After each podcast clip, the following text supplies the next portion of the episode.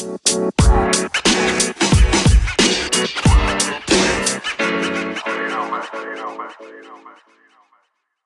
Ten odcinek podcastu Corpolandor słuchacie dzięki szkole najmu, czyli szkoleniu online, w którym ja i Darek dzielimy się naszą wiedzą odnośnie tego, jak inwestować w nieruchomości na wynajem. To szkolenie nauczy Was, jak zbudować dodatkowe źródło dochodu, a może w przyszłości nawet pozwoli Wam na życie z nieruchomości na wynajem. E, Więcej informacji o tym, co znajdziecie w naszym szkoleniu i o tym, jak do niego dołączyć, znajdziecie na stronie szkolanajmu.pl. A teraz zapraszam Was na dzisiejszy odcinek podcastu. Ile jak- mieszkań masz, Sławku? Ile mam mieszkań? No tyle, że nie muszę pracować. To znaczy, wiesz, wie, mam, mam, mam pięć razy więcej niż potrzebuję. Znaczy, moje, moje wydatki na utrzymanie standardu życia, do którego się przyzwyczaiłem, to jest jakieś 20-25% przychodów z najmu mieszkań, które posiadam. Mam ich za dużo. Okej. Ale, ale dlaczego o tym mówię? Bo, bo wiesz, no nie To, było jedno, to było jedno z tych trudnych, Trudnych pytań, które- tak, tak. Znaczy wiesz, ja nie chcę odpowiadać na to pytanie jakby z kilku względów, to znaczy z dwóch tak naprawdę. Raz, że jednak w Polsce no, nie ma takiej kultury powiedzmy tam mówienia i coś tam i, jest zawiść i jakieś tam Ale to inne jest rzeczy. super odpowiedź na to pytanie. Jakby nie, to, Tak. to wiesz, nie musiała być Tak, liczba, tak? tak. Natomiast, natomiast drugi powód jest właśnie ten, o którym powiedziałem, że wiesz, że jakby mam trochę taką świadomość tego, może, może przesadną, ale mam świadomość tego, że, że jakoś niektórzy powiedzmy jakoś się benchmarkują na mnie, to znaczy mówią, a to znaczy coś tam, to znaczy i, i powiedzmy, jak ja bym powiedział liczbę mieszkań, które mam, to wiem, że to po prostu to nie jest nikomu potrzebne. Znaczy, no chyba, że ktoś ma jakiś styl życia, nie wiadomo jaki, tak, to znaczy, ale, ale no mój styl życia versus te mieszkania, które mam, to tak jak mówię, to jest po prostu ułamek. Gdybym miał A, a podzielisz się inną liczbą? Mhm. Tą może jeszcze trudniejszą. E, jakby na jakim poziomie utrzymujesz swoje te koszty minimum? Mhm. E, i że może mówisz, że tam 25% i tak dalej. Możesz po- podzielić się tak, jakby jakie masz za, zapotrzebowanie na, na, na życie jako na emeryturze Mhm. Tak. nieruchomościowej? Wiesz co, to znaczy jest tak, że też ja nie tylko siebie utrzymuję, Oczywiście. Znaczy mam też jakieś takie powiedzmy, no przyjąłem takie pewne zobowiązania na siebie, tak, to znaczy no i powiedzmy i, i to jest też ciekawe, to znaczy, że ja nigdy w życiu nie, nie prowadziłem jakby księgowości takiej osobistej, to znaczy ile wydaję, na co i tak dalej. To znaczy nie mówię, że to jest coś złego, może to jest coś dobrego, ale mi to nigdy nie było potrzebne. To znaczy ja po prostu zawsze intuicyjnie czułem, że ten standard życia stać mnie na to. To znaczy, a nawet jest poniżej moich możliwości finansowych. I ta wiedza już mi wystarczała. To znaczy, nie musiałem wiedzieć dokładnie, na co wydaję ileś. Dzisiaj też nie powiem ci dokładnie, wiesz, jakie są moje wydatki. To znaczy, i nawet nie wiem dokładnie, jakie są moje przychody. A możesz To znaczy- rzucić jakąś nawet Ale powiedzmy, że to jest są powiedzmy dziesiątki tysięcy czy kilka tysięcy? kilkanaście tysięcy miesięcznie może, Okej. tak? To znaczy, a wiesz, to też zależy od tego, czy podróżuję, czy nie Oczywiście. i coś tam, to znaczy... Wiesz dlaczego Cię pytam? Dlatego, że Ty też jesteś takim trochę wyjątkowym przykładem, tak? Bo e, mówimy tutaj o tym, że nieruchomości e, mogą Ci dać wolność finansową, em, mogą być pasywnym przychodem, mogą zastąpić twoją, twoją pracę, natomiast wiesz, no, jakby niewiele osób jest partnerem w firmie doradczej w latach 90. w Polsce, tak? I niewiele osób jest stać w dowolnym momencie życia, koniunkturze, na jakim tam poziomie gospodarki była Polska, żeby kupić 30 nieruchomości w jakimkolwiek miejscu w Polsce, nawet jeżeli to jest Łódź. Bo co masz do Łodzi? Bo większość osób, to też widzimy z Pawłem, zjada inflacja życia. Bo obojętnie jakby to jest nieważne ile zarabiasz, ważne ile wydajesz. No tak, tak. No bo to jest tam, ja mam taką swoją teorię trochę, że wiesz, że po prostu to wynika z tego, że jesteśmy po prostu genetycznie zaprogramowani, bo jesteśmy zwierzętami stadnymi i w stadzie musi być hierarchia i na górze tej hierarchii jest dużo lepiej niż na dole, tak? I, i więc jesteśmy zaprogramowani na to, żeby po prostu piąć się po tej hierarchii w górę, tak? A, a jak dzisiaj, jakby co jest wyznacznikiem twojego miejsca w hierarchii? To jest ile masz pieniędzy. No. A, a skąd można wiedzieć, to znaczy siedzicie tutaj naprzeciwko, skąd ja wiem ile macie pieniędzy? Pojęcia nie mam, tak? Ale jak zobaczę samochód, jak zobaczę zegarek, jak zobaczę, gdzie jedziecie na wakacje, jak zobaczę to, tamto, To byś to się znaczy, załamał. to byś, To... Jakbyś zobaczył samochód Pawła, to byś no. Ale widzicie, dlatego ja... dorzucił nam na kawę pewnie. No, to widzisz, to ja, to, to, to widzi, widać, jesteśmy z tej samej gliny trochę ulepieni. To znaczy, wiesz, bo ja jeżdżę skuterem. To znaczy, nawet nie mam samochodu. To znaczy, mieszkam w 37-metrowym mieszkaniu, w bloku z wielkiej płyty. To znaczy, to jest moje mieszkanie. To znaczy, wiesz, więc e, powiedzmy mam zegarek za 100 zł, tak? To znaczy, albo nawet nie wiem, czy 100 zł. Więc, więc ja żyję skromnie. To znaczy, powiedzmy skromnie, znaczy w sensie, że to nie kosztuje mnie dużo, żeby utrzymać jakby te, te podstawowe tam rzeczy, tak, w życiu. E, Natomiast, e, natomiast o, o czymś innym chciałem powiedzieć i teraz zgubiłem trochę tę myśl. To zanim sobie przypomnisz tą myśl, bo ja też miałem jakby dłuższy wątek, Tak. bo chodziło mi o to, że em, ty przechodząc z bycia partnerem w dużej korporacji, podejrzewam, że zarabiałeś, nieważne ile jednostkowo, bo to wiesz, to się zmienia na przestrzeni czasu, natomiast zarabiałeś na pewno powyżej, grubo powyżej średniej Krajowej. krajowej. No, No tak, myślę, tak. że złapałeś się na jakieś tam dziesiątki procenta ludzi, którzy zarabiają na etacie w Polsce, tak? No bo Tak. mówi się, że jeżeli zarabiasz powyżej 10 tysięcy złotych, to już jesteś w 2% osób, które zarabia e, najwięcej w Polsce No na tak. etacie oczywiście, No tak, tak? tak, No tak. Oczywiście legalnie, tam to co się pokazuje i tak dalej. tak dalej. Także jeżeli byłeś partnerem no, w korporacji, no możemy sobie wszyscy wyobrażać, że to były Tak. jakby ogromne, ogromne pieniądze. I ty powiedziałeś, że jakby zamienisz ten dochód tak? albo Mhm. przynajmniej to, e, co cię będzie utrzymywało, tak? na, na nieruchomości. I tutaj kolejne jakby pytanie to jest takie, taki, taka esencja tego, jak można się przygotować na taką nie- nieruchomościową e, emeryturę, albo tak naprawdę emeryturę z czegokolwiek, tam, czy będą nieruchomości, czy będzie cokolwiek innego, co jakoś tam w miarę pasywnie działa na, e, na, na nasze dochody. Jak ty do tego podszedłeś, albo jak ty byś to zrobił jeszcze raz, gdybyś miał to, wiesz, komuś, przychodzę do ciebie, płacę ci za konsulting prywatny, mówię, Sławku, słuchaj, ja za 15 lat chcę mieć tak jak ty, chcę podróżować po świecie i chcę, żeby te podróże były finansowane z czegokolwiek tam, co sobie wymyślimy, tak? Nieruchomości, y, jachty czarterowane czy coś innego. Papier toaletowy. Papier toaletowy, Tak. subskrypcji.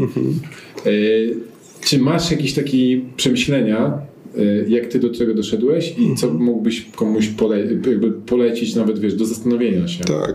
Znaczy wiesz, to nawet, e, nawet e, prościej, to znaczy wiesz, nie, nie musisz nawet wiesz, płacić mi jakieś tam tysięcy złotych, żeby się tego dowiedzieć. Wystarczy kupić dwie książki. Jedna to jest e, Moja droga do wolności finansowej, Mieszkania na wynajem, Moja droga do wolności finansowej.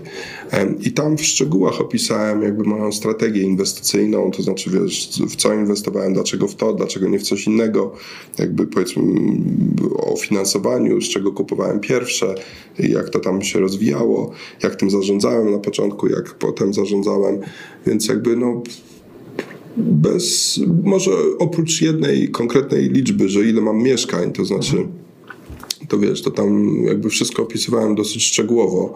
Może nie tak analitycznie, bo ja nigdy do tego nie podchodziłem tak analitycznie, więc tam, nie wiem, może są jakieś przykładowe zwroty z jakiegoś tam jednego mieszkania czy coś, ale wiecie, ja nigdy nie podchodziłem do tego na zasadzie jakby ołówka i, czy tam Excela, tak, to znaczy i papieru. A druga książka, którą napisałem, Bo, bo, to, bo w tej pierwszej książce tam są moje przygotowania od strony finansowej, czyli takie powiedzmy no, ta, ta, ta twarda, powiedzmy te przychody z najmu i tak dalej. No, jedną chwilę tylko przerwę ci tylko od razu, jak to poruszyłeś. To znaczy, że ty nie patrzysz na ROI z mieszkania? Jakby jeżeli wydajesz 100 tysięcy na mieszkanie, to nie patrzysz, ile ci będzie przynosiło? Nigdy nie patrzyłem. No zaraz, no przecież, ale patrzyłem, już się przygotowałem. Tak, tak, tak. do tej rozmowy. Patrzyłem na Twoje założenia strategiczne z jakiejś e, Twojej wypowiedzi i mówiłeś o tym, że kupujesz aby by wynajmować jak najwięcej, żeby, żeby jak najwięcej przynosiło, tak? a nie żeby sprzedawać, czyli nie, nie szukasz jakichś tam spekulacji. No ale jakoś musisz porównywać to, czy to wynajmujesz y, za dużo, czy za mało. Nie, ja wiesz, y, może tam jest jakieś przekręcenie, bo na pewno nie mówiłem, że, żeby wynajmować jak najwięcej. Ja mówiłem, żeby wynajmować Okej? i żeby mieć jak najwięcej mieszkań do wynajmowania, ale nie za najwięcej. To znaczy, to nigdy nie było moją motywacją. To znaczy, wręcz nawet dzisiaj też Wam to powiedziałem, że ja nawet wynajmuję poniżej cen rynkowych, więc nawet jak ceny spadną, to, to mnie tak bardzo nie dotyka. Dopiero dochodzą do swoich cen. Dopiero dochodzą do moich cen, może tak. Szerują pod nie, a są no w sumie to już jesteśmy na moim pułapie. Tak. Znaczy, Więc- Nie wiem, czy to był twój cel, ale tak naprawdę też powtarzam, że najbardziej w nieruchomościach e, ROI za, zabija pustostan. No A tak, jak tak, masz tak. trochę ceny takie poniżej, to ma- masz pustostany. Tak się Dokładnie. okazuje, że Dokładnie. jest, jest lepiej. W Excelu to, to cena najmu trzeba ją śrubować. To znaczy, ale tak naprawdę w życiu niekoniecznie, tak? To znaczy, wiesz, ja miałem, ja wynajmowałem tak tanio, że powiedzmy, że ludzie dzwonili do mnie i mówili, a no tutaj trzeba by pralkę wymienić. Mówię, Okej, no dobra, no to no mogę wymienić, bo rzeczywiście jest stara i coś, no ale wtedy podniosę czynsz. No to czy woli pan, żebym wymienił i podniósł czynsz, czy pan sam wymieni? No no, to sam wymienię. Dzięki. Właśnie o to mi chodziło, tak, żeby tak odpowiedział. To znaczy, czy tam sofę wymienić, czy coś tam. Więc ludzie w moich mieszkaniach sami robili remont i coś tam. To znaczy, wiesz, bo bo ja wynajmowałem tanio. Chcesz mieć lepszy standard, super. A nie dzwonili Państwowku, e, bo my zrobiliśmy już remont, wymieniliśmy pralkę, to może by, byśmy, by Pan podniósł czynsz, bo tutaj już jest wyższy poziom. Standard, wyższy tak, tak. Nie, tak nie, tak nie robili. Ale wiesz, ale miałem, taki, miałem taką najemczynię, nie wiem, czy mam ją dzisiaj do tej pory, znaczy mam w sensie, no w cudzysłowie, ale najemczynię jednego z moich mieszkań, która mieszkała 13 lat. To znaczy, wiesz, jakby, nie wiem, czy mieszka do tej pory, tego nie wiem, tak, ale ostatnio tak się zdziwiłem, bo, bo po prostu poznałem nazwisko. A nie wysłałeś dyplomu po dziesięcioleciu? Czy Tak, nie, tak, jakieś tam- tak, tak. Złoty że, że miesiąc za Tak, darmo, nie? złoty To znaczy. Tak, tak, tak. Długopis? Więc, e, tak. Albo trzynastka, Więc- że ona musi zapłacić. Trzynasty czynsz. 13 czynsz, tak, za tę współpracę. Więc, e, więc nie, nie, to, to, to na pewno, wiesz, może jak tak przeczytałeś gdzieś, no to może było jakieś przes- przesłowienie albo coś nie, niezrozumienie, ale to nigdy nie śrubowałem, znaczy nigdy nie, nie zależało mi na ROI, ja nigdy nie liczyłem ROI. Raz w życiu policzyłem, jak, jak zaczynałem prowadzić bloga, i ktoś po prostu dopytywał, tak? To znaczy, jakie masz ROI? To znaczy, i wiecie, i tak naprawdę ROI to w ogóle, jakby to powiedzieć, e, nie chcę nikogo zniechęcać, ale po, powiem inaczej. Ludzie inwestują w mieszkania na wynajem od dwóch, trzech, czterech tysięcy lat. ROI to jest coś, co ktoś wymyślił 30 lat temu, 50 lat temu. To znaczy, e, wiesz, Excel to znaczy też ktoś wymyślił 50 lat temu. No Nie wiem, może 4, nie, nie wiem kiedy dokładnie, tak? Ale mówimy o 50 lat, a nie o 2000 czy 4000. Em, To naprawdę nie jest tak skomplikowane, że potrzeba do tego. To, to jest, ja to biorę po prostu na taki zwykły chłopski rozum. No dobrze, ale gdyby ktoś ci powiedział, słuchaj, masz portfolio, iluś tam mieszkań, nieważne, jest warte 20 milionów złotych, wynajmujesz je na ROI 3%, tak? Przy tego rodzaju inwestycji mógłbyś spokojnie osiągnąć 5%, nie robiąc, nie mając kompletnie nieruchomości, tak? Tylko, tylko inwestując w coś tam, gdzie ktoś ci gwarantuje, albo jakaś firma ci gwarantuje te 5%, tak? To, to jaki jest argument, kontrargument twój do tego? Wiesz co, jak ktoś mi to gwarantuje, znaczy, ja powiem tak. W, I przez tysiące lat ludzie żyli i nie wiedzieli, że jest grawitacja. I któregoś razu Newton tam coś wymyślił, policzył, bum, jest tam 9,81, tam coś tam, coś tam, tak? Znaczy mamy grawitację.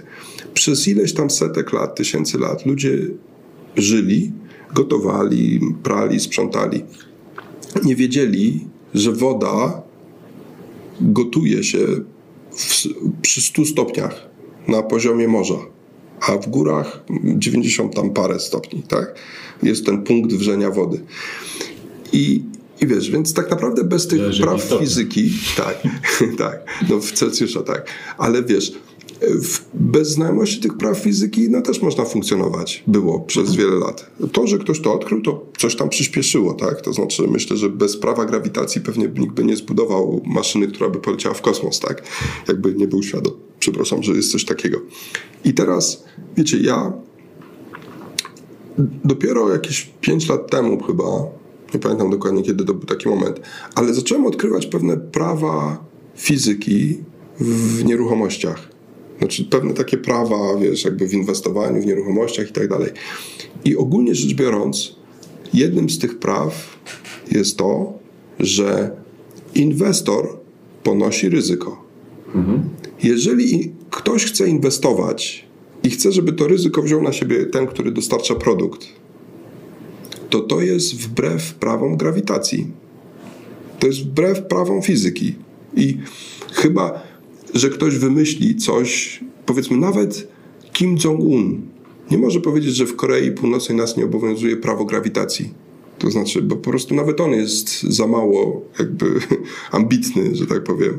Żaden de- Dajmy dyktator... mu szansę jeszcze. No, jeszcze się tam... Tak, żaden dyktator po prostu z tym się nie zmierzy. A nawet tutaj w Polsce po prostu nasz y, wszechmogący też po prostu nie, nie zmieni prawa grawitacji. To znaczy pewnych rzeczy się nie da jakby zmienić, tak? I wiesz, więc ja oczywiście ja tak mówię o tym i teraz tutaj należy oddzielić. To znaczy, bo jak pytasz mnie o moje, no to ja nie używam ROI. Nigdy nie używałem. Okej. To po prostu to jest, dla mnie to jest abstrakcja. Zresztą co to znaczy ROI? ROI to jest jakaś wyliczenie, to znaczy pewnego przychodu w zależności od jakiejś bazy. Tak. I w bazie masz na przykład cenę zakupu. Możesz dodać jeszcze podatek, coś tam, coś tam i trzeba dodać i koszty remontu i takie. My tak robimy. Jak my wysyłamy do naszych klientów ofertę, no to w tym mianowniku tam są wszystkie te koszty, łącznie z naszą prowizją, za, za, wszystko jest, tak? I teraz w liczniku masz przychody. I my to pomniejszamy, to znaczy bierzemy widełki, no bo co to, za ile to mieszkanie się wynajmie? To jest jakaś jedna cyfra? Nie, to jest widełki. To znaczy, to, to nie będzie tak, że wy, nawet jak chcesz wynająć za 1200, to co, to przyjdzie najemca i powie 1190, a ty powiesz nie, nie, nie, bo w Excelu ja miałem 1200, to znaczy wiesz, a jak cena pójdzie na rynku... Paweł tak powiem. A, okej. A jak pójdzie na rynku, wiesz, pójdzie do góry, to nie podniesiesz, bo w Excelu masz 1200, no podniesiesz do 1300, jak będziesz mógł, tak? Więc jakby, więc to- jest w ogóle też abstrakcja, to znaczy, wiesz, w Excelu wpiszesz fajnie, wszystko fajnie pasuje, tak? Potem trzeba uwzględnić pustostan. To znaczy, my odejmujemy też prowizję za zarządzanie, bo jeżeli ktoś kupuje z nami mieszkanie, no to my potem będziemy nim zarządzać, więc to też odejmujemy. No i, i niby to jest jakaś konkretna cyfra, ale zobacz, ile założeń żeśmy przyjęli, co w ogóle ma wejść do tych składników, żeby to policzyć. A teraz, to znaczy, ja bym wyliczał ROI swoich mieszkań. To co mam wziąć? Cenę, która jest z aktu, który kupiłem je tam za jakiś czas, czy teraz cena rynkowa? Czy Za- zależy- co to jest cena rynkowa? W zależności od tego, co chcesz uzyskać. Mhm. Jeżeli chcesz porównać to, jak ci te e, twoje nieruchomości performują, tak? Jak Mhm. sobie radzą na rynku, no to najprawdopodobniej zobaczyłbyś sobie cenę rynkową, jaką teoretycznie byś był w stanie uzyskać za te nieruchomości, jakbyś chciał je Mhm. pieniężyć. Pewnie zakładając, że jak chcesz je sprzedać wszystkie jakoś tam w tym jednym momencie, to by- byś musiał je jakoś tam zdyskantować i, i policzyć sobie, ile ci przy tym momencie przynoszą i co innego mógłbyś za te pieniądze zrobić. Tak, więc ROI według mnie służy tylko tak naprawdę do jednej rzeczy. Znaczy masz dwa mieszkania, to znaczy teraz wybrać czy to, czy tamto, to znaczy kupić i tyle. Tak. I to jakby jest cała użyteczność tego, to znaczy do... Więc, ale oczywiście my w firmie, to znaczy jakby działamy bardzo profesjonalnie. My potrafimy to liczyć, liczymy rzetelnie i tak dalej. To znaczy powiedzmy, wiesz, też jest tak, że w odróżnieniu od, e, od ludzi, którzy pomogą ci kupić mieszkanie, powiedzmy sprz- sprzedają mieszkanie, tak, to znaczy, no to wiesz, tam można przyjąć górne widełki, że to się wynajmie za ileś. I to już od razu zmienia jakby ROI, tak, to znaczy jest bardzo czułe na, na, na 50 zł czynszu najmu miesięcznie, bum, razy 12, to jest bardzo czułe. E, natomiast my mówimy, za tyle się wynajmie w takich widełkach, przyjmujemy te niższe, to znaczy liczymy, dlatego, że jakbyś kupił to mieszkanie i potem my nie możemy go wynająć w tej cenie, no to byśmy wychodzili na durni albo na oszustów, tak? To znaczy, więc jesteśmy dosyć konserwatywni, tak? Ale jak pytasz mnie osobiście, to, to, to jest dla mnie overkill. To znaczy, ja nie potrzebuję tego wszystkiego. I jak ja kupuję mieszkanie, to znaczy teraz już dawno nie kupowałem zresztą, bo teraz inwestuję bardziej w taką formulę crowdfund investing. Zakładamy, założyliśmy taką platformę do grupowego inwestowania w nieruchomości, e, więc po prostu obejmuję udziały w spółce, która potem kupuje tam nie wiem, 50 czy 100 czy więcej mieszkań. Więc jak ja kupowałem mieszkanie, to wystarczyło mi trzy informacje. No, oczywiście można z tego niby policzyć ROI, tak? To znaczy, to jest ile to mieszkanie kosztuje i po prostu czy mam wystarczająco gotówki tak naprawdę. Do tego mi to służyła ta informacja, tak? Drugie, ile trzeba będzie włożyć w remont i trzecie, za ile się wynajmie. I, I mamy podstawę do wyliczenia.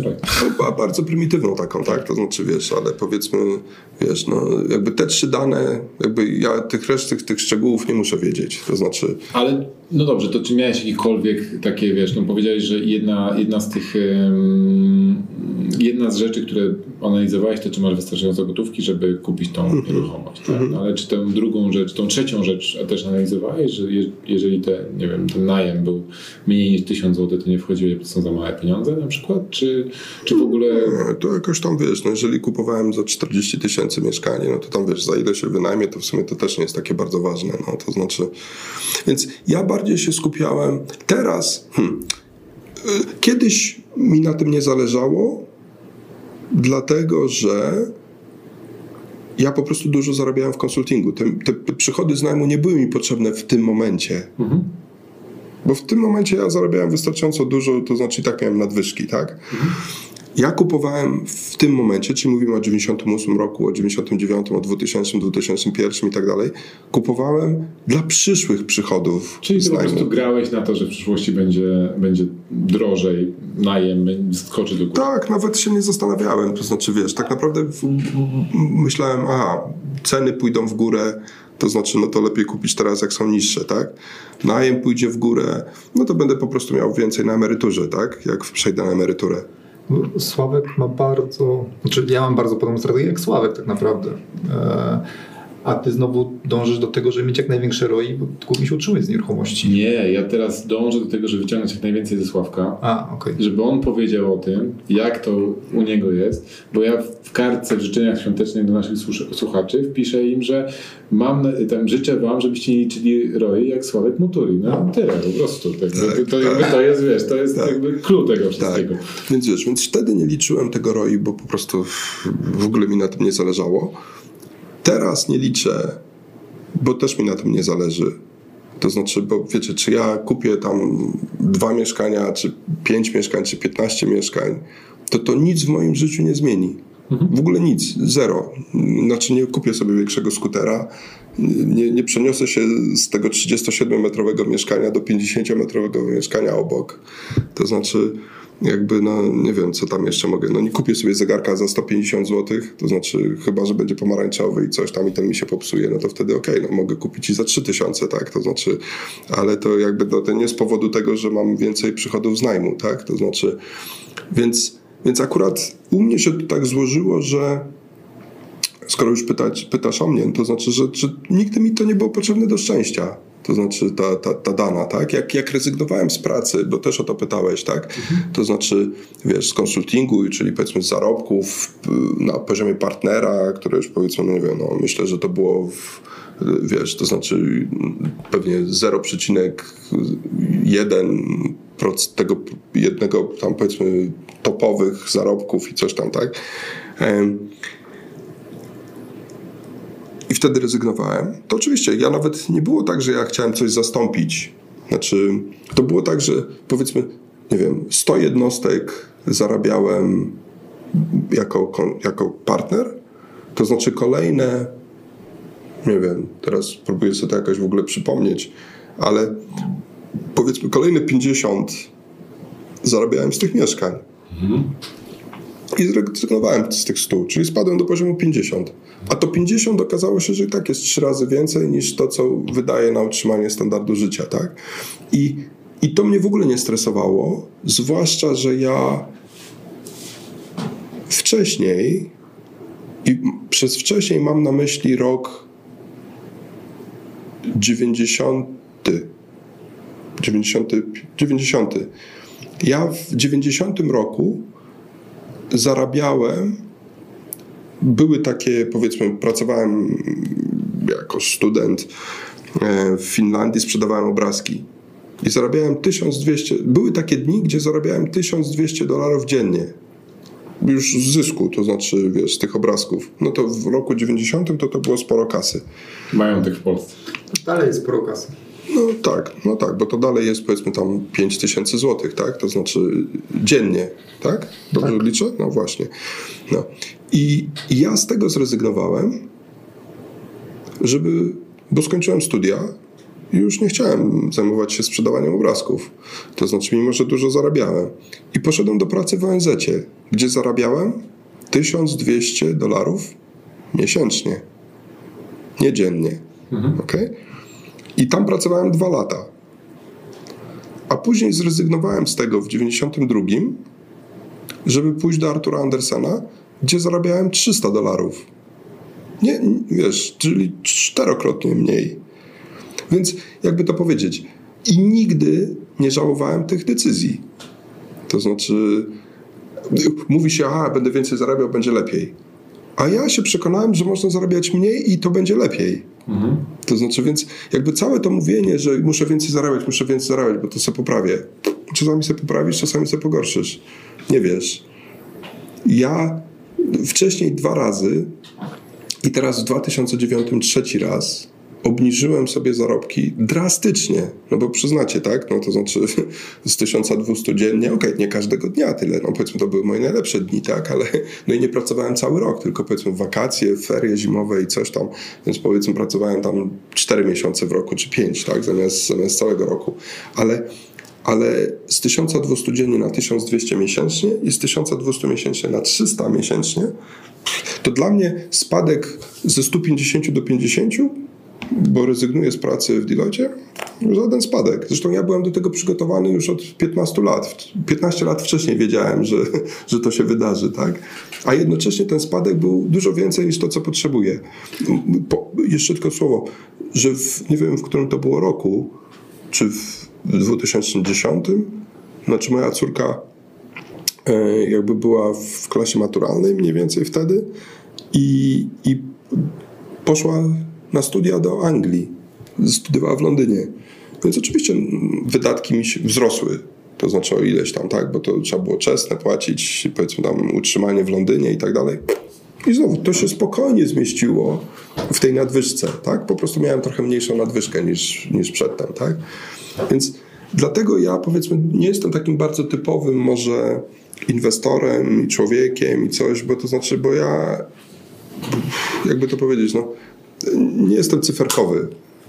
Cyferki jakby no, Oczywiście w firmie, to znaczy mamy profesjonalny zarząd i coś tam i działamy jak cyferki, tak? Mówiłeś, że trzeba mierzyć, że coś tam, ja to wszystko wiem.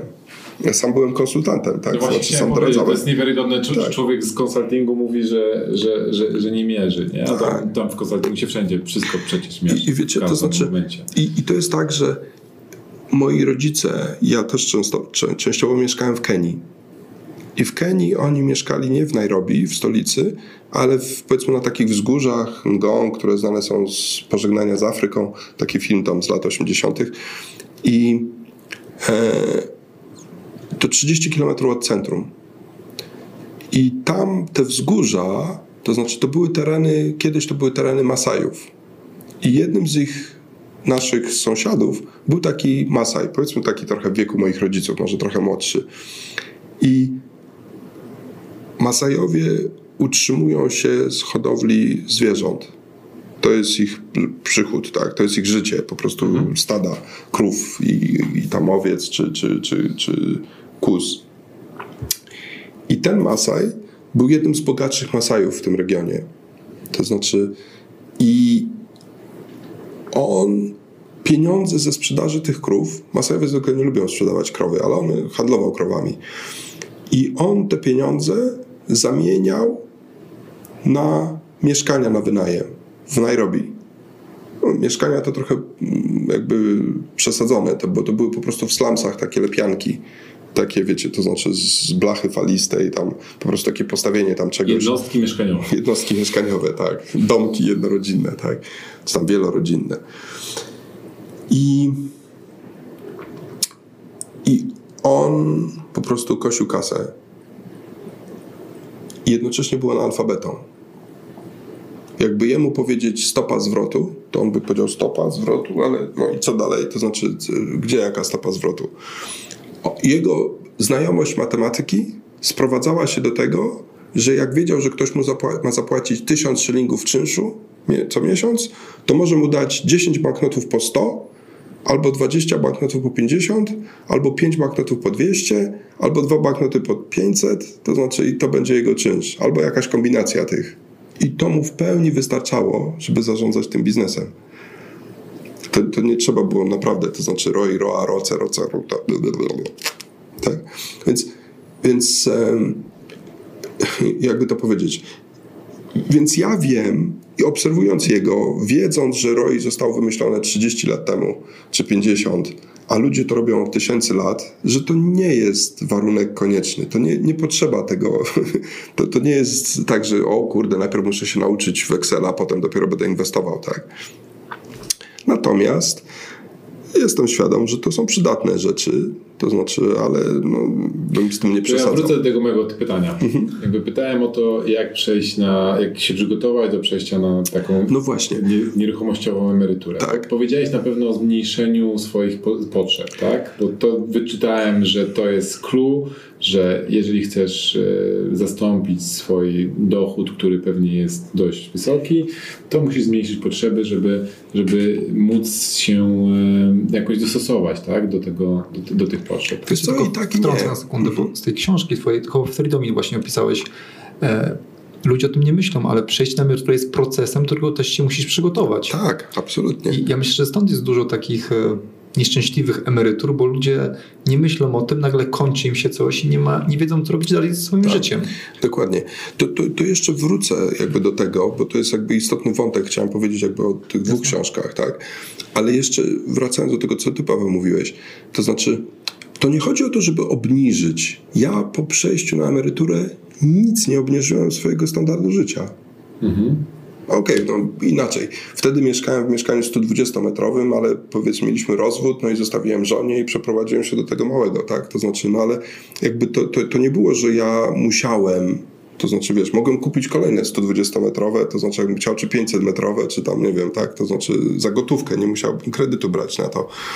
Ale więc, więc nie było tak, że ja obniżałem swój standard życia. To, co.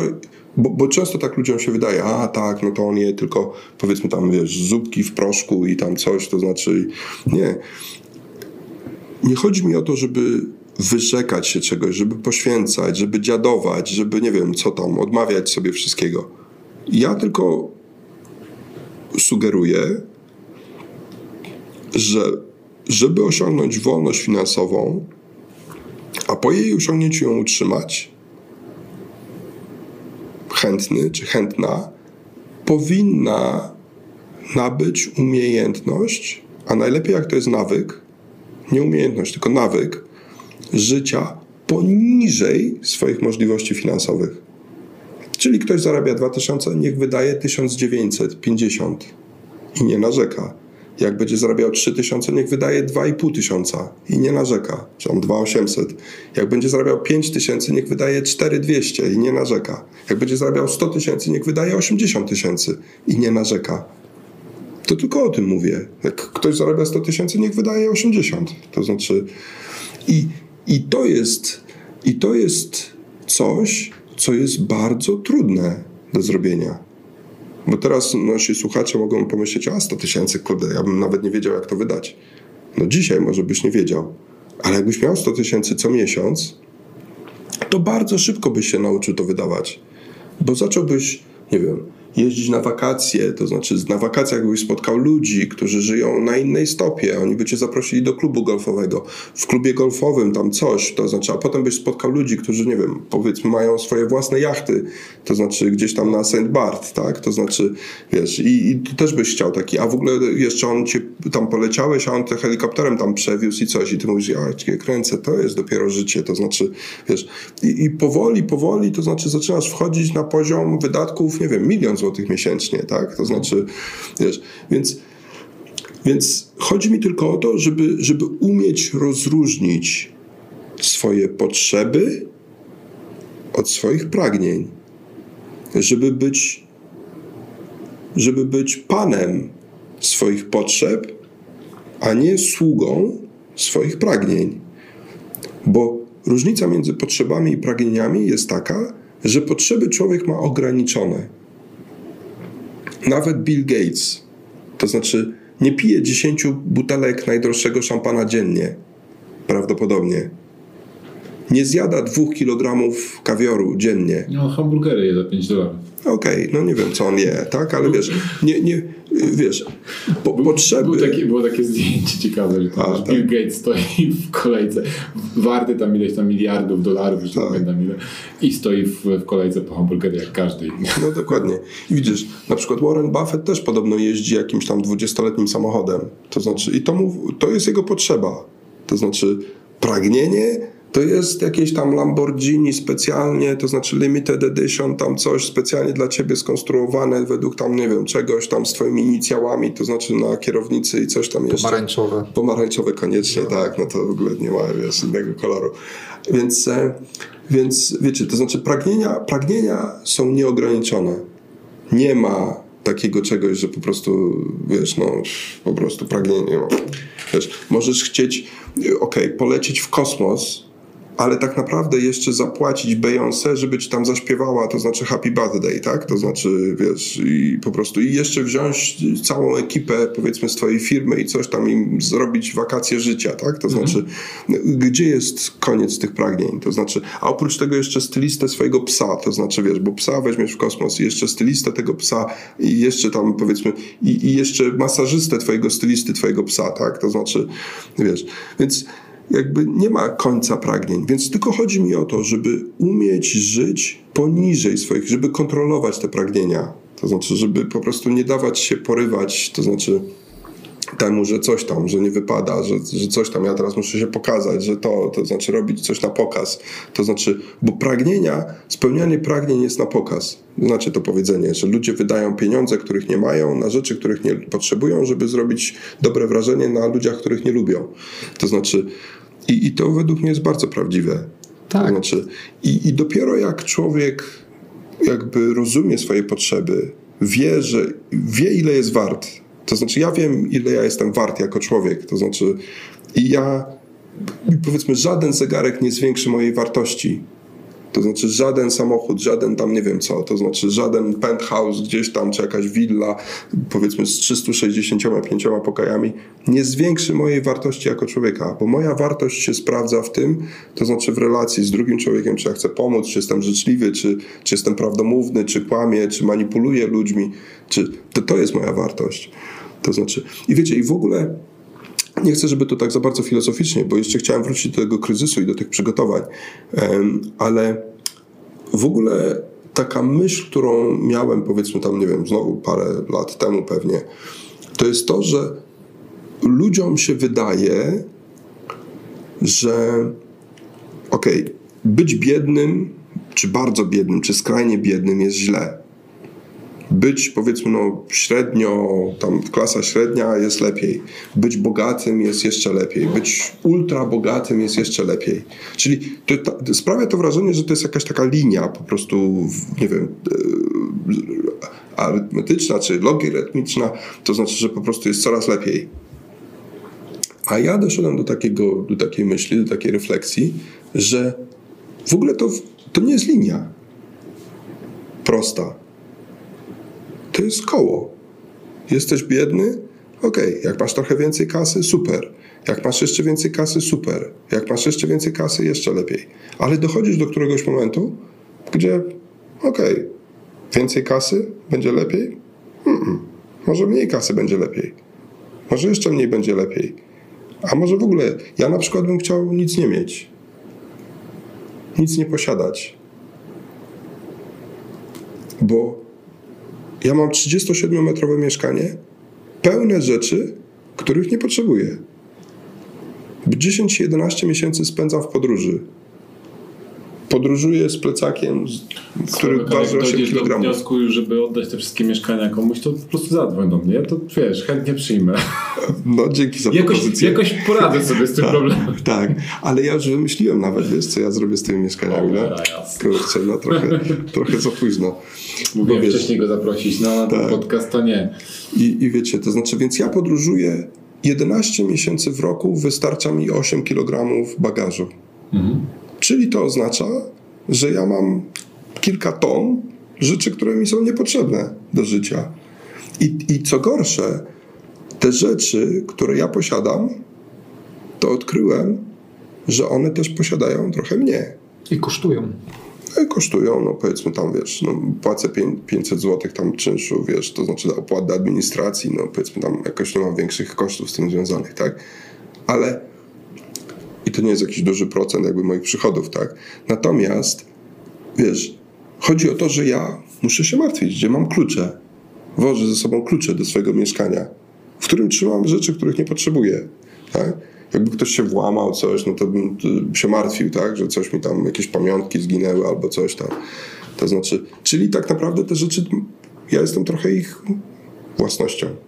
Tak jak one są moją, tak? To znaczy, a gdybym nie miał nic, to w ogóle bym nie musiał się martwić, tak? Nie miałbym kluczy, nie miałbym domu, nie miałbym coś. To znaczy, więc wiecie, nie, nie chcę, żeby to zabrzmiało za bardzo filozoficznie, ale, ale chodzi mi o to, że, że jakby w tym, w tym takim wyścigu, powiedzmy, nazwijmy to, przepraszam, no w cudzysłowie, no ale to nie ja to wymyślam, tak? Jest wyścig szczurów, tak? Znaczy biegniemy i coś. Ja kiedyś przeczytałem o innej analogii, że jest dwóch facetów, na pustyni, środek pustyni, po prostu pojęcia nie mają, gdzie są. I chcą wyjść z tej pustyni. I idą. I pojęcia nie mają, czy idą w dobrym kierunku, czy w złym kierunku, czy wiesz, czy w stronę jakiejś wioski, czy jeszcze głębiej w tę pustynię, po prostu pojęcia nie mają. Ale idą. I co jest ważne? Żebym ja był przed tym, który jest za mną. To to jest najważniejsze. To znaczy, żebym, wiesz, żebym to ja nadawał kierunek, żeby to po prostu, wiesz, bo lepiej jest patrzeć do przodu niż patrzeć na czyjeś plecy, tak? To znaczy i kogoś gonić, no, to znaczy to ważne jest, żebym ja był przed tobą, a, a nie wiem dokąd idziemy i dokąd zmierzamy, to znaczy ważne, że wiesz, że ja jednak jestem lepszy. I wiesz, i, i, I tak powiedzmy, może to jakaś taka trochę za bardzo filozoficzna obserwacja, nie wiem, na, na tę rozmowę, bo może słuchacze chcą jakichś konkretów, tak, jakichś liczb, jakieś podpowiedzi, wyciągniemy jakieś coś tam. liczby, tak. poczekaj. Więc e, Słuchaczom, którzy nie słyszeli nas, nie, nie mogli nas słyszeć przed rozmową, zapytaliśmy Sławka, czy się śpieszy i ile mamy czasu na tą rozmowę.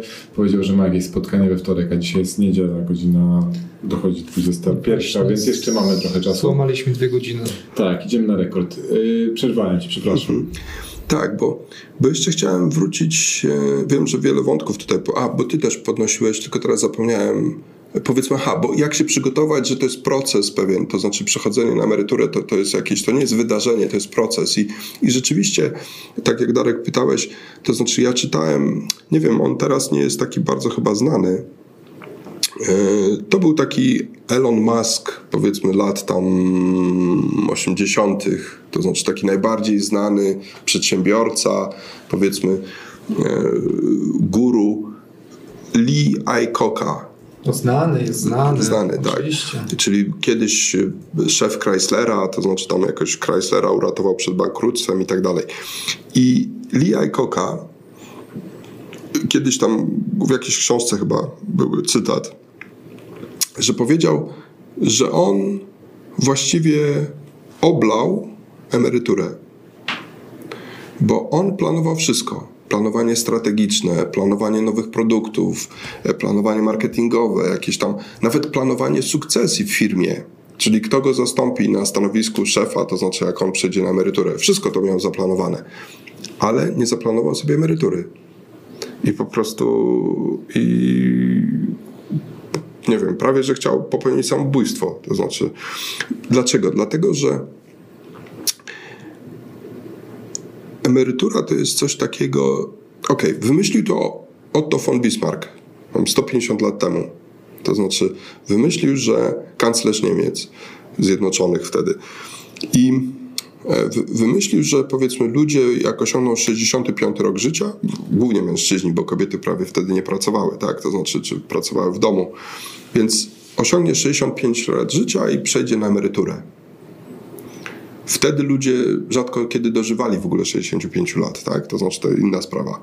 No i to chodziło o to, żeby, bo, bo pracowali fizycznie. Nie było jakichś tam programistów, tam, nie wiem, marketingowców, tam coś. Trzeba było albo coś przenieść, albo coś skopać. Menedżerów, tak. Po prostu ludzie pracowali fizycznie, tak? Coś robili. I, i często po prostu no, byli skonani tą pracą, tak? To znaczy, więc Chodziło o to, żeby im zapewnić parę lat przed śmiercią takiego spokoju, żeby się po prostu przygotowali do śmierci. Tak? To znaczy. Albo przekazali też wiedzę, jak, jak dalej tyrać. No tak, albo może tak. I, i, I teraz, dzisiaj ludzie nie pracują fizycznie, bo nawet pracownicy fizyczni, to znaczy no, mają maszyny, podnośniki, tam coś, to znaczy, nie wiem, no, elektrycznie tam po prostu naciśnie guzik i to podnosi 5 ton, tak? To znaczy on potem wózkiem tam przejedzie, przewiezie, to znaczy no to nie jest jakaś taka praca fizyczna, tak jak w rozumieniu noszenia worków ciężkich, tak? Z kamieniami. I, i e, w związku z tym dzisiaj ludzie przechodzą na tę emeryturę, nie są zmęczeni, to jest raz. Dwa, że będą żyli jeszcze może wiele lat, to znaczy.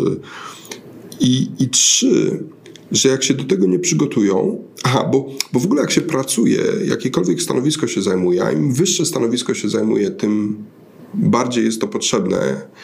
Po, potrzebna jest energia tak? Żeby po prostu nosić te wszystkie problemy, rozwiązywać coś tam od jednego spotkania do drugiego, tematy się zmieniają, a ty cały czas musisz być jakby sfokusowany, coś, no dużo energii po prostu wydajesz.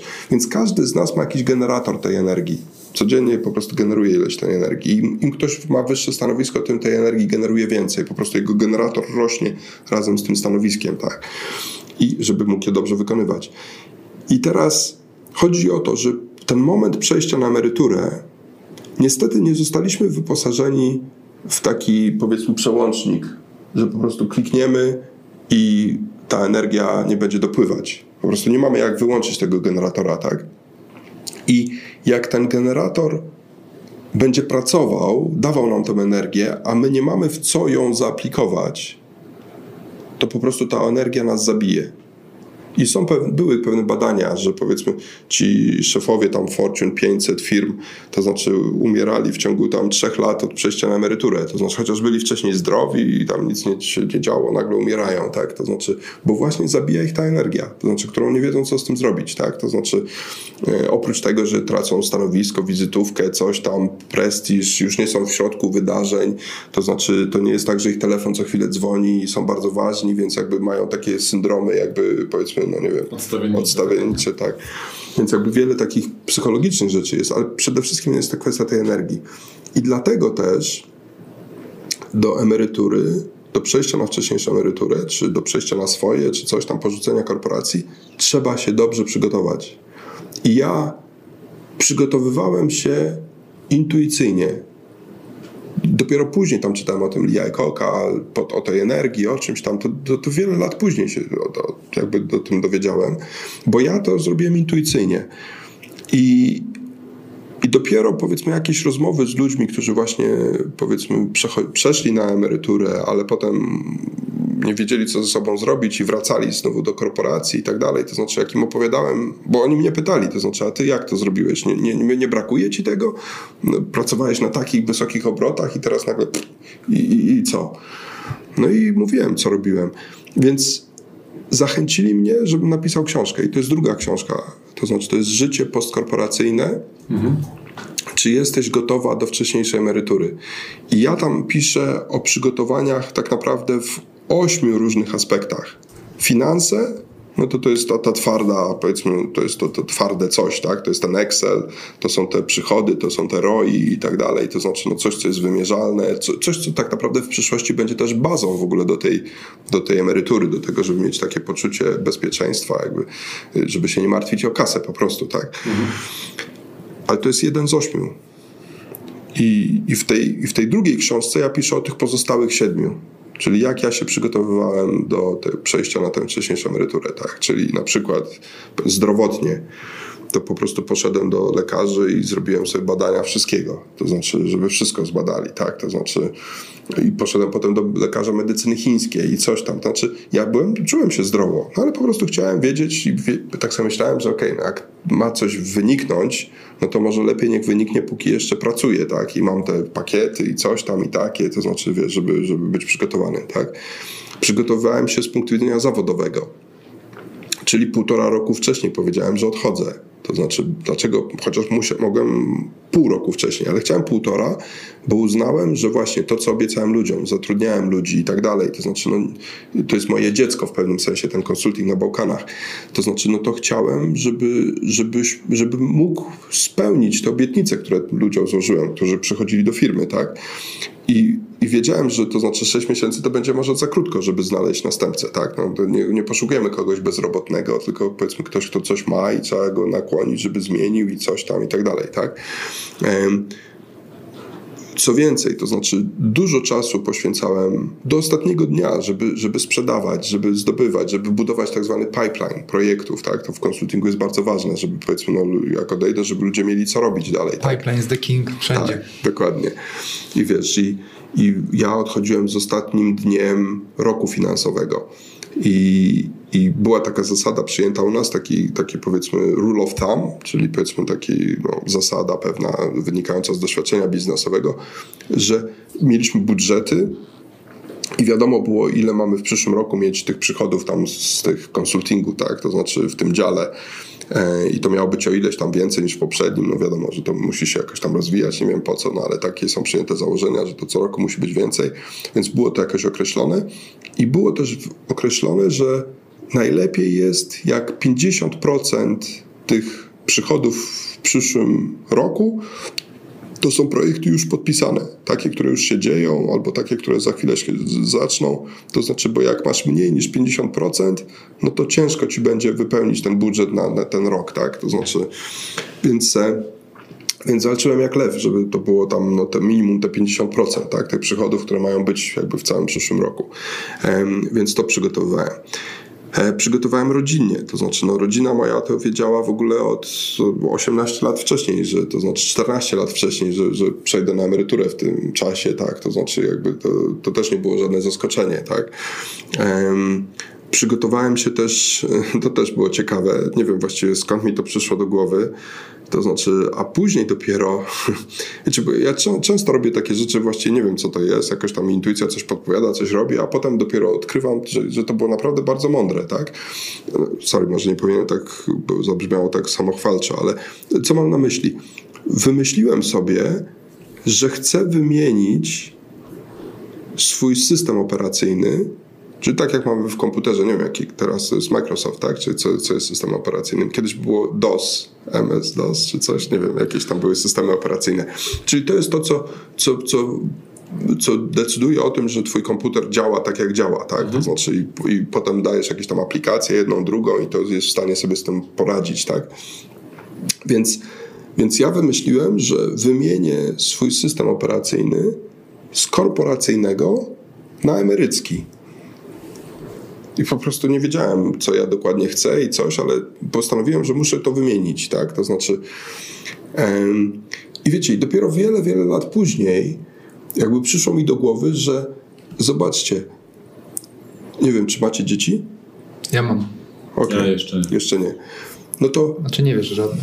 tak, tak. Pozdrawiam. tak. To wiecie, bo to jest tak, że młodzi ludzie, jakby powiedzmy, no dziewczyna zachodzi w ciążę, to znaczy no i wiedzą, że staną się rodzicami. I mówią, kurczę blade, jak to będzie? Bo wiesz, ja śpię jak zabity. To znaczy, ja nie usłyszę tego dziecka, to znaczy, albo wiesz, po prostu położę się, to znaczy, i po prostu je uduszę, albo tam, wiesz, nie będę wiedział, jak płaczę, czy, czy, czy co zrobić, tak? To znaczy, i wiesz, na szczęście natura wymienia system operacyjny singli na system operacyjny matka-ojciec. Bez twojej wiedzy. Nagle kobiecie zaczynają rosnąć piersi. To znaczy, y, co ona coś zrobiła konkretnie? Nie, po prostu natura to robi. Tak? Wymienia system operacyjny. To znaczy powoli. Jakieś hormony inaczej, coś tam, tak? To znaczy i, i, i nagle to dziecko się pokazuje i oczywiście, że dzisiaj młodzi ludzie panikują. To znaczy, nie wiem, w ogóle po prostu dostają głupawki. No, dziecko się urodziło, rewolucja będzie w życiu. Słucham? Dzieci rodzą się po prostu w Polsce rodzi się tysiąc dzieci dziennie, to znaczy mamy tysiąc rewolucji, to znaczy na świecie rodzi się tam, nie wiem, kilkaset tysięcy dzieci dziennie, no, a żeby to były tylko dzieci ludzkie. A co z psami, kotami, wróblami, gołębiami, to znaczy no też rodzą, to, to po prostu, nie wiem, szczury, wszystko, po prostu to się rodzi po prostu non-stop. I co, mamy codziennie miliardy rewolucji, tak? Znaczy po prostu jakaś paranoja. Ale do czego zmierzam? Więc więc natura wymienia system operacyjny singla na system operacyjny rodzic. I to zajmuje naturze 9 miesięcy. A i tak czasami się zdarza, że jakaś matka po prostu ma szok porodowy, poporodowy i po prostu porzuca to dziecko. To znaczy jakoś nie czuje, to znaczy po prostu... Więc nawet w naturze czasami to nawala. Mhm mimo że natura doskonali to już od milionów lat, to znaczy na miliard przypadków dziennie. No może przesadziłem teraz, ale nie wiem ile tam zwierząt się rodzi dziennie, tak, ale może i miliard. E, nie wiem ile jest w ogóle zwierząt na świecie. Ale chodzi o to, że, że ja poczułem, to znaczy, że chcę to wymienić. I co ja zrobiłem? Pojechałem do sanatorium. Pierwszego dnia po po przejściu na emeryturę, powiedzmy był piątek, no więc w, w niedzielę już byłem w sanatorium. Ciechocinek? E, nie, Druskienniki. W, na Litwie, tak. E, dlatego, że właśnie chciałem po prostu, bo tak myślałem o Ciechocinku, ale pomyślałem, nie, tam ja, ja chciałem pojechać na trzy tygodnie, pojechałem na trzy tygodnie i pomyślałem, nie, no tutaj zaraz będzie, przyjedzie żona, tam dzieci, tam znajomi, to znaczy odwiedzić, no bo ja mieszkałem ileś lat w Rumunii, tak, to znaczy, no więc jakby no, widzieliśmy się długo, coś, no to Ciechocinek, no to wpadną, a jak pojadę za granicę, to też nie jest bardzo daleko, to już nikt mi nie będzie tam z głowy zawracał, tak wyłączyłem telefon. W ogóle nie miałem telefonu, to znaczy nie miałem komputera. W ogóle i ja zanim i na ten pomysł wpadłem, powiedzmy, przyszedłem na, na wcześniejszą emeryturę 29 maja. Na ten pomysł wpadłem chyba w styczniu albo w lutym. I ja powiedziałem wszystkim moim współpracownikom, moim szefom ówczesnym, słuchajcie, i 29 maja jest ostatnim moim dniem w pracy. To było w ramach tych przygotowań zawodowych. To jest mój ostatni dzień w pracy. Ja będę wszystko robił, żeby po prostu wszystkie tematy dokończyć, przekazać, ale wy musicie być gotowi, żeby je przyjąć. To znaczy, i teraz dodatkowo jeszcze od 1 czerwca do 21 czerwca będę w sanatorium i nie będę tam miał telefonu, nie będę tam miał internetu, po prostu nie będzie ze mną żadnego kontaktu. Więc musicie być, musicie to wiedzieć, tak? Po 21, okej, okay, no, znowu będę kontaktowalny. Więc naprawdę, i to bardzo pomogło, żeby ludzie w sposób zdyscyplinowany przejęli te wszystkie tematy ode mnie. Bo po prostu wiedzieli, jak nie zrobią, to po prostu będą potem mieli przechlapane, to znaczy przez trzy tygodnie. I to bardziej zrobiłeś jakby dla tych e, stosunków twoich z innymi ludźmi niż dla samego siebie. To, to, to, to w dwie, w dwie strony działało. To znaczy, wiesz, to miało początkowo działać dla mnie, ale okazało się, że to jest bardzo pomocne też w tych relacjach, mhm. tak? To znaczy takie powiedzmy multipurpose, tak? To znaczy, bo dla mnie to było istotne, bo, bo po prostu sanatorium mi się kojarzyło z emerytami. To znaczy, i jak... te trzy tygodnie tam? Tak, tak, tak, tak, spoko. To znaczy, wiesz, nie, super było. To znaczy, wiecie, w ogóle sanatorium to też jest coś takiego, co, jakby to powiedzieć, też to, co to jest, a co to ludziom się wydaje, to są dwie różne rzeczy. Mhm. To znaczy, niektórzy myślą, że sanatorium to jakieś drętwe, coś tam, staruszki umierające. Inni z kolei myślą, że to jest takie, gdzie po prostu idziesz tam, skakujesz do łóżka i tam, że się mówi, że trzeci dzień mija, a ja niczyja, tak? Czy jakieś tam takie, wiesz... Turnus mija. Turnus mija, ja niczyja, trzeci dzień mija, ja niczyja. Więc, e, a to jest po prostu takie miejsce, gdzie, gdzie przychodzą ludzie do pracy różnych specjalizacji, czyli tam ktoś ci robi masaż, a ktoś ci robi masaż podwodny, a ktoś tam coś, to znaczy obsługuje jakieś elektrowstrząsy albo jakieś inne tam inhalacje czy coś. To znaczy przychodzą ludzie do pracy po to, żeby ci zrobić dobrze. I przechodzisz z rąk do rąk, to znaczy specjalistów, to znaczy których celem jest, żeby ci zrobić dobrze, tak? Twojemu ciału, twojemu zdrowiu, twojemu samopoczuciu, no nie wiem czemu. I wiecie, i dla Darek mnie... zna takie miejsca. Tak. I wiecie, i dla mnie to jest po prostu, to jest genialne. Ja nie wiem dlaczego. Ja namawiałem, namawiam dalej. To znaczy wszystkich młodych, słuchajcie, zamiast jechać, okej, macie dwa tygodnie wakacji, czy trzy tygodnie wakacji, zamiast jechać do Turcji, czy tam do Egiptu, w lipcu na plażę, to znaczy, gdzie będzie 10 tysięcy innych osób, to znaczy, i wiesz, i po prostu przepychać się i coś tam, to znaczy, wiesz, po prostu bez sensu. Lepiej pojedźcie do sanatorium to taki sam wydatek, albo może mniejszy, albo coś, to znaczy, ale po prostu to, to super, zrobicie coś pożytecznego dla siebie, to znaczy Takie spa. takie spa, tak, medyczne. Ale to gorzej wygląda na Instagramie. No tak, tak, może tak i tak gorzej wygląda. Zmi- Sorry, muszę to, bo jak poruszyłeś Instagram, bo ja zobaczyłem, że ty masz Instagrama. Ale dopiero od października czy od listopada 2019 roku. Tak. Sławek, ja przepraszam za wyrażenie, ale what the fuck? Ty jeździsz po całym świecie, spędziłeś tych krajów po prostu mnóstwo, wszystkie, które są podobno dwukrotnie, Tak, yy, ale nie masz dowodów na to. Ja, No tak. ja przeczytałem na twoim... Yy, gdzieś to przeczytałem, że, że ty się uczysz robienia zdjęć yy, jeżdżąc i nagrywania filmików, bo ty nigdy tego nie robiłeś przez 20 lat podróży. tak, tak. Nie, nie zrobiłem ani jednego zdjęcia no, przez 20 lat podróży. No, Czy ktoś ci kiedyś powiedział, że ty jesteś freakiem? No nie, nie wiem, co to jest freak, ale no. Nie, nie. Nie, no znasz angielski, no Freak, no halo. tak, no taki dziwak. Tak. Dziwakiem, dziwak, tak, tak, no. No. Bo Tak, wiesz jestem jak, nie- tak, tak jak nie znam nie nikogo, nie, tak, tak jak nie znam nikogo, co przeszedł na emeryturę w wieku 43 lat, oprócz ciebie, znaczy no tam znam parę innych osób, które coś tam innego robią i nie mówią wprost, że przeszedł na emeryturę, tak nie znam też nikogo, który pojechał do sanatorium e, rzucając pracę w korporacji, tak też nie znam nikogo, kto, kto by jeździł po całym świecie i nie robi zdjęć, no kurde, tak. Sławek. No tak, tak. Ty jesteś wyjątkowym człowiekiem, ja po Nie prostu... wiem, czy wyjątkowy, wiesz, po prostu lubię chodzić własną drogą. No, to znaczy, Dlatego wiesz, jesteś tak, człowiekiem. Tak, no, że wiesz, że tak, to znaczy i rzeczywiście, wiesz, tego Instagrama założyłem, bo miałem taki pomysł, teraz już zdążyłem z Aż niego, zobaczę. teraz zdążyłem z niego zrezygnować. Bo wiesz, ja, ja, te, ja też, y, moja mama powiedziała, że jestem świrusem, jak nie poszedłem na studniówkę, tylko pojechałem Mhm. uczyć dzieciaki na snowboardzie jeździć, tak? Bo stwierdziłem, że studniówka jest bez sensu, a na snowboardzie to przynajmniej sobie pojeżdżę i, i jeszcze Mhm. No tak. zarobię kasę. I to było pójście pod prąd na maksa. No tak. Ale ty to jesteś ekspert, naprawdę. No tak, tak. Jeżeli, jeżeli w czymś prąd. jestem dobry, tak, to w takim łam- łamaniu schematów, stereotypów, jakichś tam, wiesz, to znaczy to, że ludzie mówią, bo to tak trzeba zrobić, to jakby, albo wszyscy tak robią, to w ogóle dla mnie to jest żaden argument. To znaczy to No, wręcz... Zwiedziłeś trochę światowy, wiesz, że nie wszyscy robią tak, Tak. jak mi się ludziom Tak. wydaje, że wszyscy. Ale wiesz, wracając do tego Instagrama, to było tak, że. e, Bo, bo rzeczywiście krajów na świecie w ogóle, w ogóle nie wiadomo, ile ich jest, co to jest kraj, co nie jest kraj i tak dalej, ale członków ONZ jest 195. No i to są takie kraje uznawane przez społeczność międzynarodową i tak dalej, no mają status niezależnych i. Chociaż to też nie jest bardzo jasna definicja, no ale powiedzmy trzymając się tych 195, więc w tych 195 krajach, w każdym z nich byłem co najmniej dwa razy i ponoć ludzi, którzy odwiedzili każdy kraj na świecie przynajmniej raz, każdy z tych 195, ponoć jest na całym świecie tylko 150. Nie chce mi się w to wierzyć.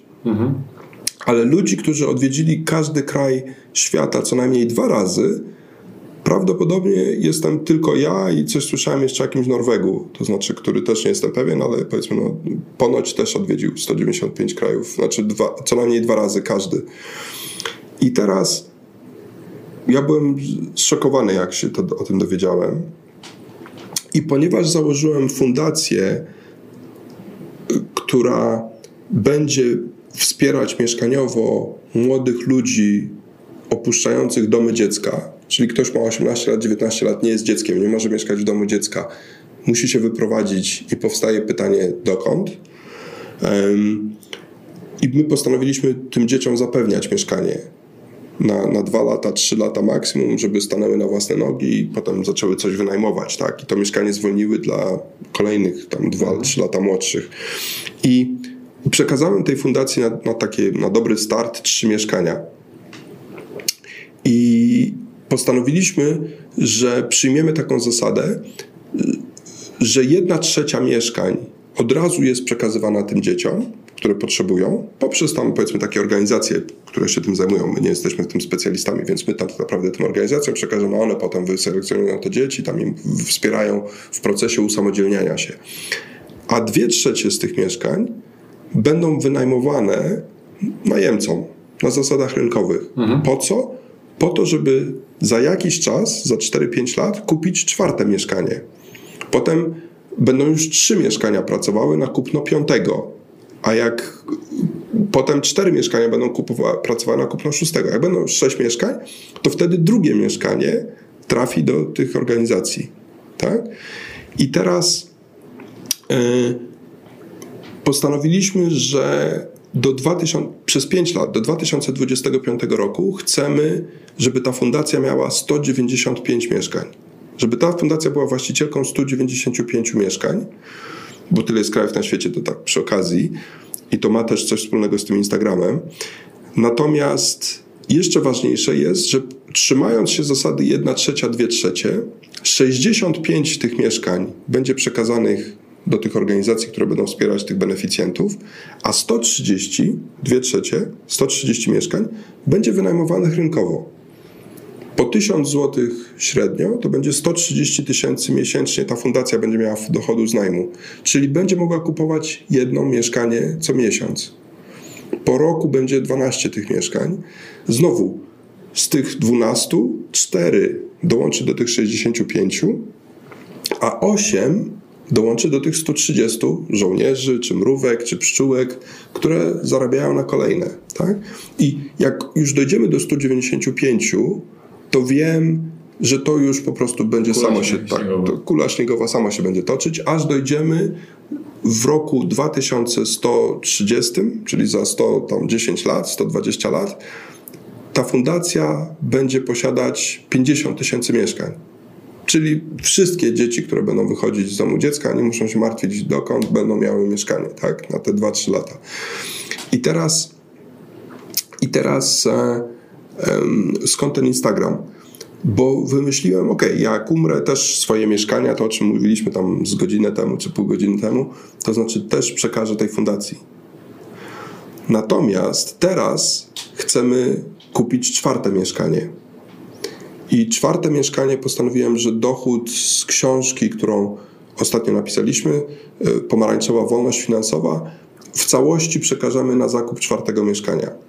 Czyli tych książek wydrukowaliśmy 3000 sztuk razy 50 zł, 150 minus koszty druku, będzie 120 tysięcy czy ileś tam, to to wystarczy, żeby kupić czwarte mieszkanie. Tak?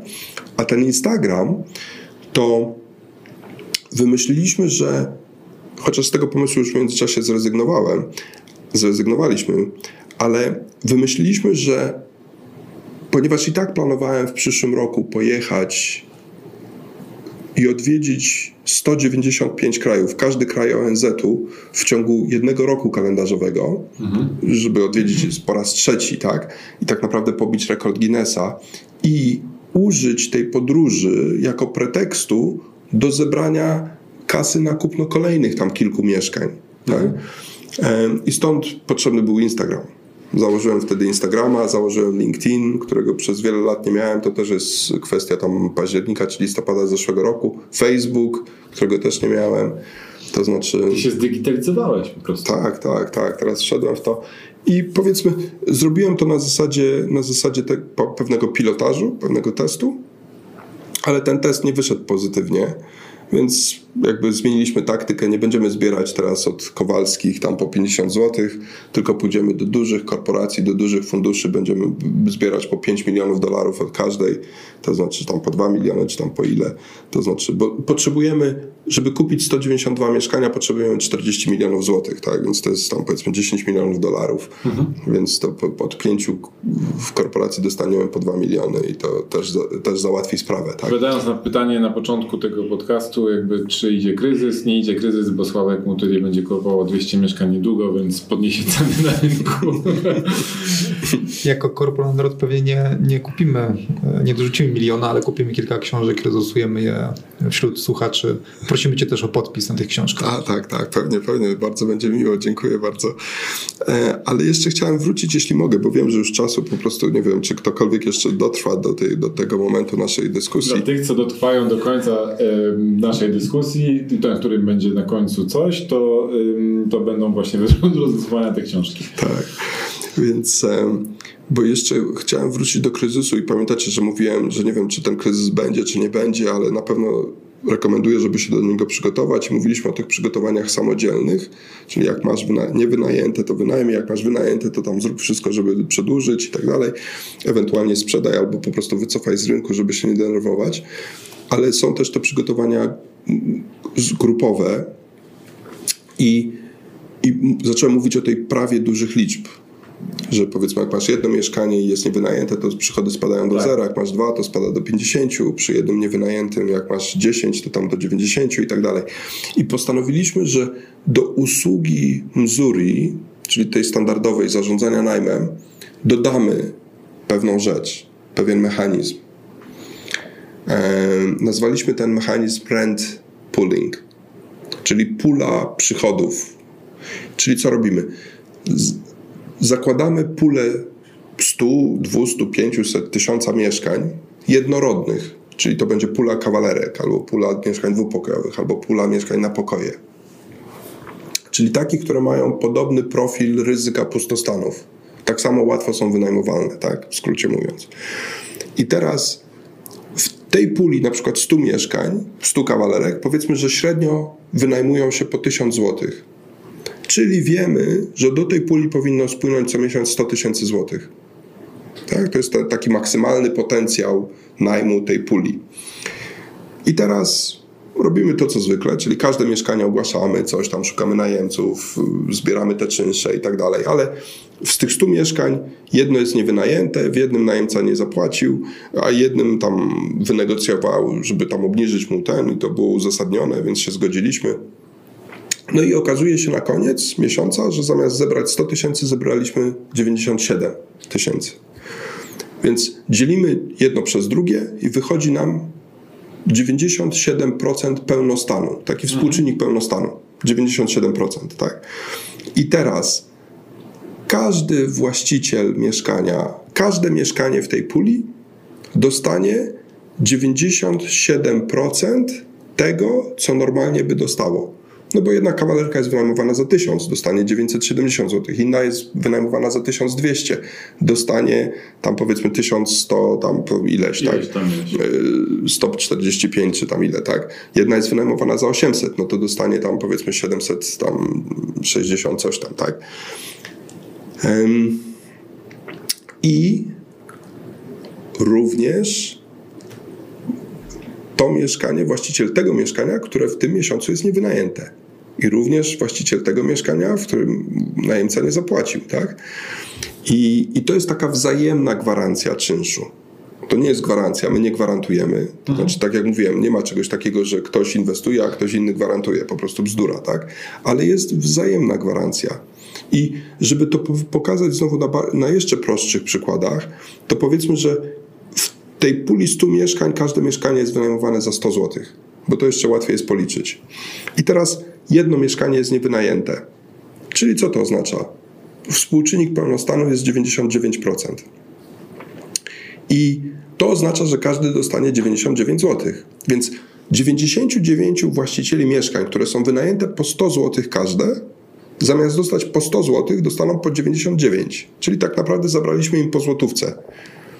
od 99 osób po złotówce, no to jest 99 zł. I co robimy z tymi 99? Dostaje je ten, którego mieszkanie stało puste. Tak? Jakby były dwa mieszkania puste, no to znowu od każdego po 2 zł, mhm. czyli w sumie zebraliśmy 196 i dajemy tym dwóm po 98, których mieszkania stały puste w tym miesiącu. Tak? Czyli powiedzmy takie dodatkowe zabezpieczenie przed tym kryzysem. Tak? E, w postaci wzajemnej gwarancji czynszu, bazującej na tym, na tym prawie wielkich liczb. Liczyliście to na pewno, ile na dzień dzisiejszy szacujecie, że to może być procentowo e, ten, ten stosunek pełnostanu? Tak. To gdyby nie było tego kryzysu, jakby on się nie zmaterializował i tak dalej, tak, no bo tak, wiesz, tak. No, jak on będzie głęboki i co tam, no trudno powiedzieć, tak? Natomiast normalnie to dla kawalerek ten współczynnik pełnostanu powinien wynieść między 94 a 100%.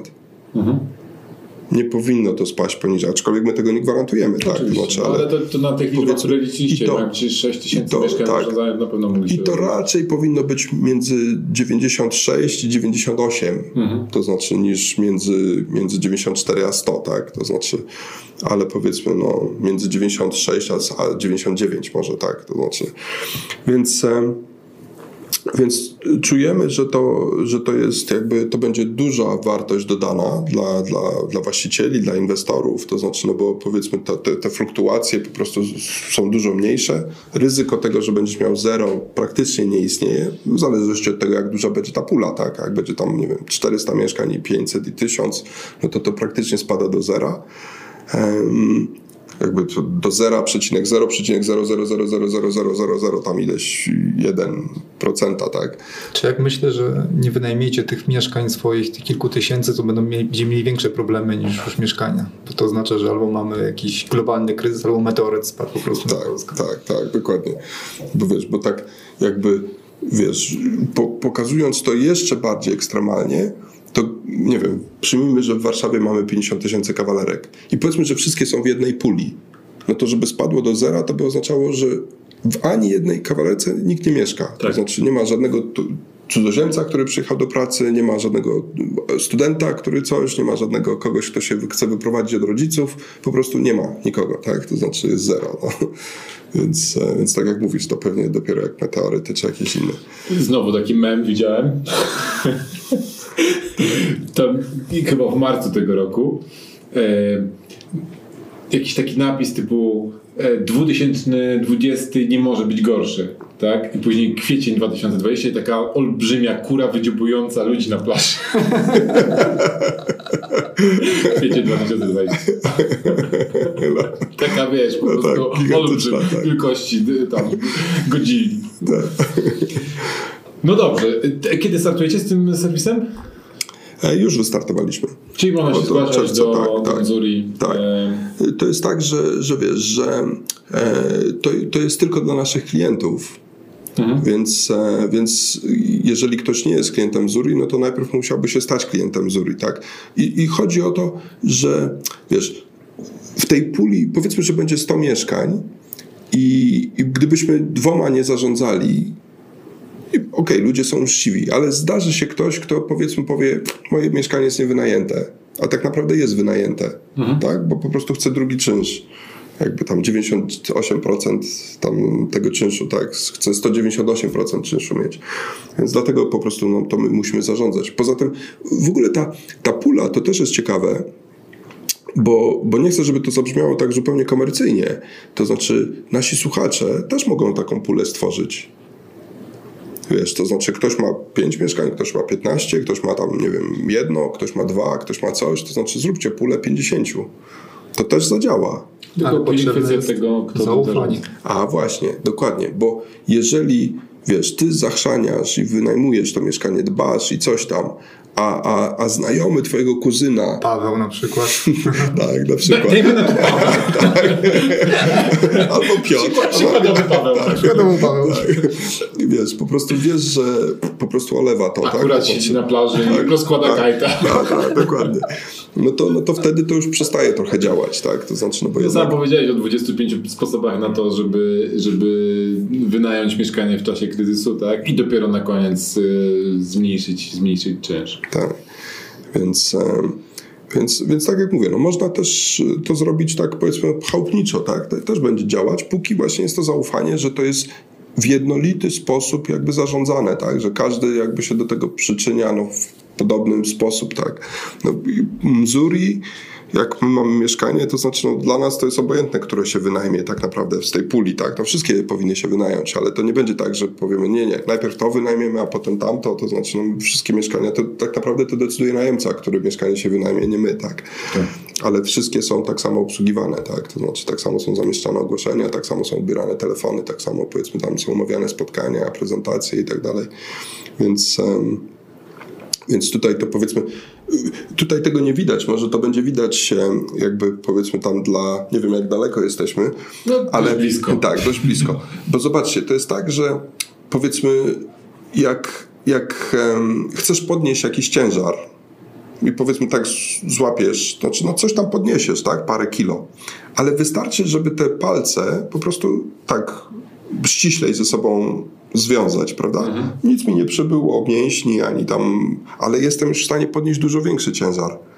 Tylko przez to, że te palce po prostu są bardziej ze sobą zintegrowane, tak? No nie wiem, jak to tam w fizyce, powiedzmy, pewnie jest jakaś definicja, fizy, fi, jakby fizyk mi to wytłumaczy, tak? Dlaczego tak jest, że po prostu struktura jakby jest, jest silniejsza, tak? Tylko poprzez to, że po prostu się bardziej, a gdyby jeszcze skleić te palce, pewnie jeszcze by się bardziej zrobiła, e, powiedzmy, jeszcze by nośność była większa, tak? Tego. No nie będziesz poma- Więc, e, połamał parę kości, ale to tam Tak. efekt uboczny. Więc, e, więc, więc dla nas to znaczy ten, ten, ten, ta pula mieszkań to jest właśnie coś takiego, że po prostu s, spajamy te palce i co więcej, to znaczy poprzez to, że Mzuri zarządza, to jest jakby jeszcze taki dodatkowy klej, tak, który powoduje, że to po prostu no, jest mniejszy wysiłek, żeby ten sam ciężar podnieść, tak, albo możliwość podniesienia większego ciężaru. Sławku, będziemy powoli zbliżać się do końca. Ja mam ostatnie pytanie, które chciałbym Ci zadać, bo Ty jesteś mega zarobionym emerytem. Oprócz tego, że jesteś na emeryturze, to jakby jak patrzę na Ciebie i z tego, co słyszę i to, co robisz, no to wydaje mi się, że jesteś dość e, zaangażowanym emerytem, masz mnóstwo em, aktywności. Sorry, że mówię do Ciebie emerycie, per, per emeryt, Jestem, ale, tak, jestem. Ale No to wiesz, no cieszy mnie, mówisz, że, że tak, no cieszy mnie, że tak, tak.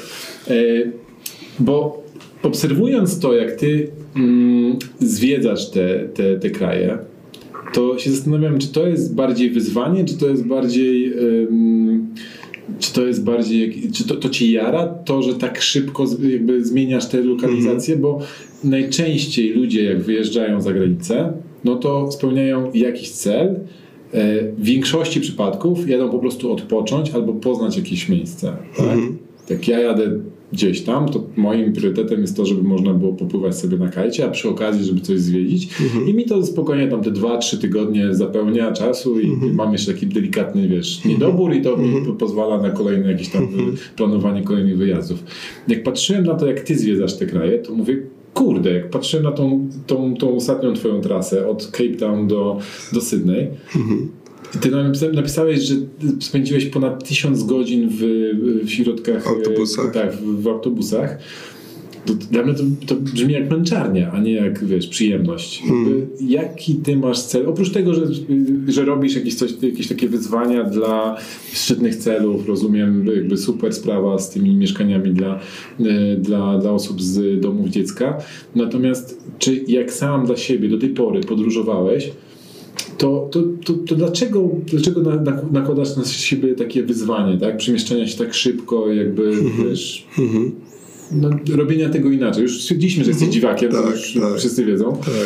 E, natomiast y, jak ty na to patrzysz? Jakby to, co tobie sprawia frajdę Tak. w podróżowaniu? Bo 11 miesięcy w podróży, no to, to wiesz, to mało ludzi robi tak na świecie. Myślę, że mógłbyś pogadać z Martyną Wojciechowską, może ona też tam, wiesz.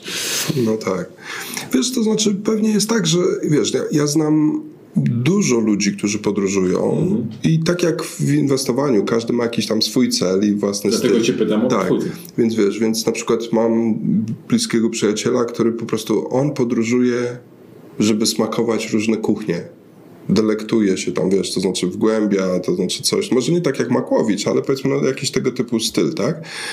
Wiesz, są tacy, którzy podróżują, żeby, żeby powiedzmy uprawiać jakiś sport, czy nurkować, czy coś Tak. tam, tak? Są tacy, którzy podróżują, bo kochają archeologię, to znaczy, wiesz, i to jest to, co ich rajcuje, tak? Są tacy, którzy po prostu podróżują, bo kochają słońce i chcą się opalić i coś tam, tak? To już znaczy, nic więcej nie mówię, już wszystko Tak. wiem. Jak byłem na Sri Lance, to w autobusie takim właśnie, y, tym takim, wiesz, podróżującym między jednym a drugim y, miastem, Jasne. takim Aha, publicznym no tak. autobusie, wchodzili tacy sprzedawcy i oni sprzedawali jakieś takie jedzenie takie, wiesz, No tam, tak, tak, dla, tak. dla tych miejscowych. Tak. I ty po prostu jeździsz tymi autobusami, żeby testować to jedzenie, tak? To też, to też. Ale wiesz co, ja po prostu, jakby to powiedzieć, dla mnie to celem podróżowania jest podróżowanie. Jakby to, to, to, to nie, nie, nie cel się liczy, tylko droga.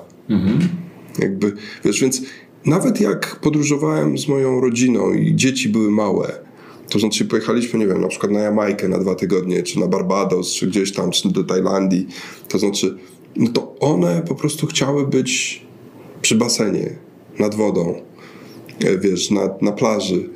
I dla mnie ja wytrzymywałem dzień, dwa i już miałem dosyć. I hop do autobusu. Tak, i wsiadałem, jechałem do autobu- autobusu i pierwszy autobus, który jechał gdzieś w głąb tej wyspy. Prostu pierwszy, obojętnie mi było gdzie. To też miałem takie śmieszne sytuacje, bo wiesz, stoję w kolejce po prostu, bo tam na, na Jamajce, a tam na Barbados też, to znaczy na, na, na dworcu autobusowym po prostu są kolejki, bo ten autobus tam jedzie dokądś, tam gdzieś indziej dokądś. Ja stawałem po prostu w którejś kolejce, w której to mi było obojętne, nie? No i tam zagaduję, ludzie tam pytają, a co tam, a ty jesteś nowy, a ty skąd jesteś, coś tam, a gdzie, jak ci się tu podoba? A, a dokąd jedziesz, nie? Masz tam znajomych? A w ogóle nawet nie wiem, dokąd jadę, nie? To znaczy, jadę, w ogóle nie mam znajomych, nie mam celu, to znaczy po prostu wsiadam w autobus. A dlaczego ten akurat wybrałeś? A no nie wiem właściwie dlaczego. To znaczy po prostu tak, tak? Więc też patrzą trochę jak na dziwaka. I wiesz, ja jadę po prostu i słyszę muzykę, reggae, to znaczy ludzie tam rozmawiają, śmieją się, coś tam, to znaczy wiesz, krajobraz fajny, to znaczy e, wiesz, spinamy się gdzieś tam po górach, to znaczy widać ocean z tej strony, z tej strony. I po prostu nagle autobus się zatrzymuje, patrzę, duże drzewo, rozłożyste i jest jakiś sklepik, gdzie sprzedają tam coś. Wysiadam. To znaczy idę do tego sklepiku, kupuję sobie piwo albo tam kole, albo coś tam, wodę. Siadam pod tym drzewem. I po prostu zwykle w ciągu pierwszych trzech minut, pięciu, to znaczy ktoś się do mnie przysiada i zagaduje, a ty chyba nie jesteś stąd. No nie, a skąd jesteś? A coś tam, tralala, zada mi 15 pytań albo 20, a potem ja mogę jakby zadać 15 albo 20 pytań, tak? No i siedzimy, zagadamy, on pójdzie, potem przyjdzie ktoś następny, znowu pójdzie, przyjdzie ktoś następny. To znaczy... I ja potem wieczorem wsiadam w ten autobus, jadę z powrotem i tam do dzieci i coś, jem kolację i kładę się spać, a potem wsiadam do jakiegoś innego autobusu w drugą stronę, tak?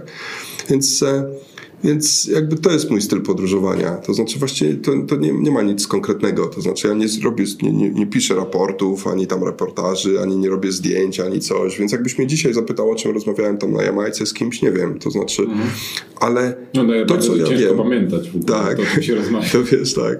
Ale wiesz, ale chodzi o to, że ja podróżuję chyba po to, żeby lepiej zrozumieć, na czym polega życie. To jest, to jest mój cel. Jakbym miał tak, wiesz, już konkret, skonkretyzować, to nie wiem, czy to brzmi dla was konkretnie, czy nie, no bo dla mnie to nie brzmi za bardzo konkretnie, ale to jest najbardziej konkretna odpowiedź, jaką mam na, na to, po co ja podróżuję. Znaczy, podróżuję też po to, żeby uniknąć zimy, więc jakby jak tutaj zaczyna się robić zimno, to w sumie jest mi obojętnie, co, To gdzie drzewem, jestem. gdzie jest ciepło. Tak, po prostu, więc jakby to jest też bardzo ważny cel, dla którego podróżuję. To znaczy, to jest to, żeby, żeby właśnie poznać życie.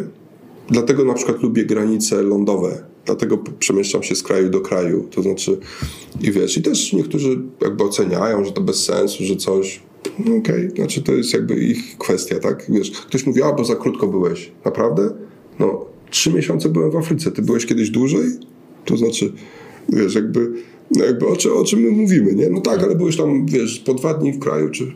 No i co z tego, ale przejechałem przejechałem w ciągu tych dwóch czy trzech dni, na przykład Angola, nie wiem ile ma długości od północy do południa, to znaczy, ale ja przejechałem cały ten kraj, to znaczy w poprzek, tak, czy wzdłuż, czy wszerz.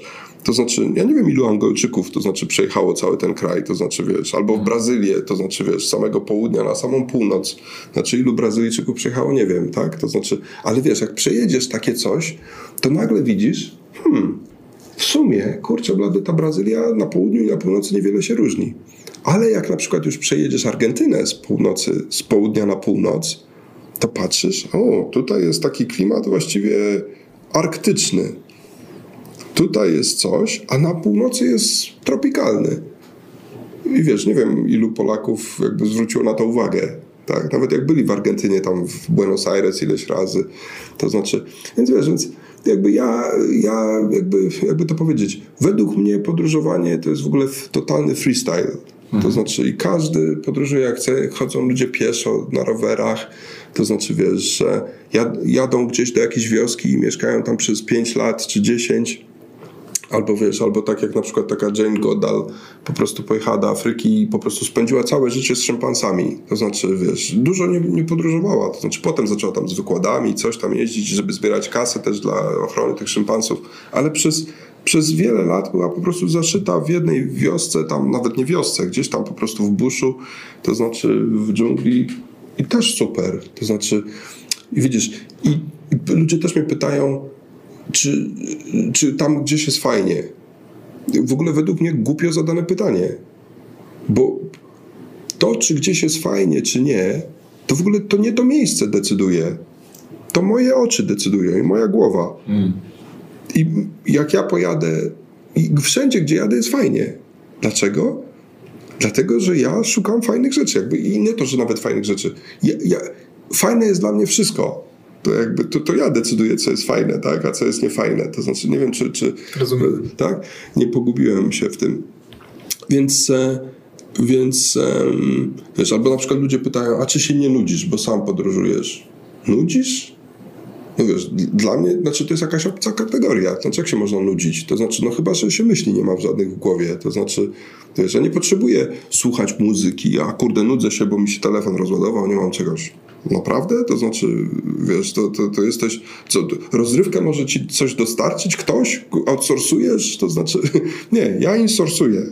Ja sam sobie daję rozrywkę. To znaczy, i wiecie, i taki moment, kiedy, kiedy można się o tym przekonać, to znaczy w Afryce, jak podróżujesz autobusami, to jest zupełnie inaczej niż w Europie, bo w Europie idziesz na dworzec i pytasz, o której jest autobus do Krakowa. I oni mówią tam 8.15, potem 9.47, potem tam któraś. Może się trochę spóźnić, tam parę minut, no ale mniej więcej odjedzie o tej, o tej porze, tak? W Afryce powiedzą ci, no niedługo. A co to znaczy niedługo? Niedługo to znaczy wtedy, kiedy wsiądzie ostatni pasażer, to znaczy wypełni się ten autobus. I to oznacza, że on już jest gotowy, ale czy on odjedzie w tym momencie, czy jeszcze nie zaczną go naprawiać, jeszcze nie zaczną coś tam, tra la la la la, la tak jakby wcześniej nie mogli naprawić. To znaczy, i wiesz, więc kiedyś było tak, że przychodziłem na taki dworzec i się wkurzałem. No wiesz, no mam tam parę dni urlopu czy coś, a tutaj siedzę, w ogóle jakieś tam marnowanie czasu, w ogóle co to bez sensu, to znaczy brak szacunku dla klienta, przecież płacisz, to znaczy możesz wymagać, tra la la la la. A dzisiaj przychodzę na taki dworzec i patrzę, okej, okay, ok, już wiem, który autobus wybrać, to znaczy, bo ten, gdzie jest więcej pasażerów, to chyba się szybciej wypełni, chociaż to też nie jest zawsze reguła. No i wsiadam. Albo zostawiam plecak i siadam gdzieś tam w cieniu, tak, albo coś i, i co sobie robię. Piszę coś, robię jakieś notatki, albo po prostu myślę, albo tam coś, albo sobie przypominam wszystkie słówka, które mogę sobie przypomnieć z języka mandaryńskiego to znaczy po prostu chcę, chcę przypomnieć, jak to się mówi, a jak to coś tam, a coś tam. To znaczy wszystkie słówka, które znam, które pamiętam z języka mandaryńskiego, staram się przypomnieć. I wiecie, że jak oni mi mówią, a to już, już czas, wsiadaj, bo już się dojeżdżamy. Ja mówię, już? Patrzę, o kurde, 5 godzin minęło. Jeszcze mam połowę słownika. Tak, dokładnie. I wiesz, więc jakby, więc ja nie znam czegoś takiego jak nuda.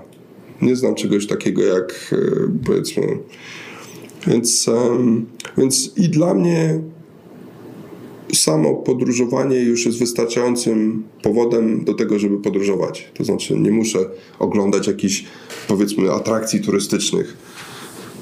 Zresztą prawda jest taka, że w wielu z nich już byłem kiedyś.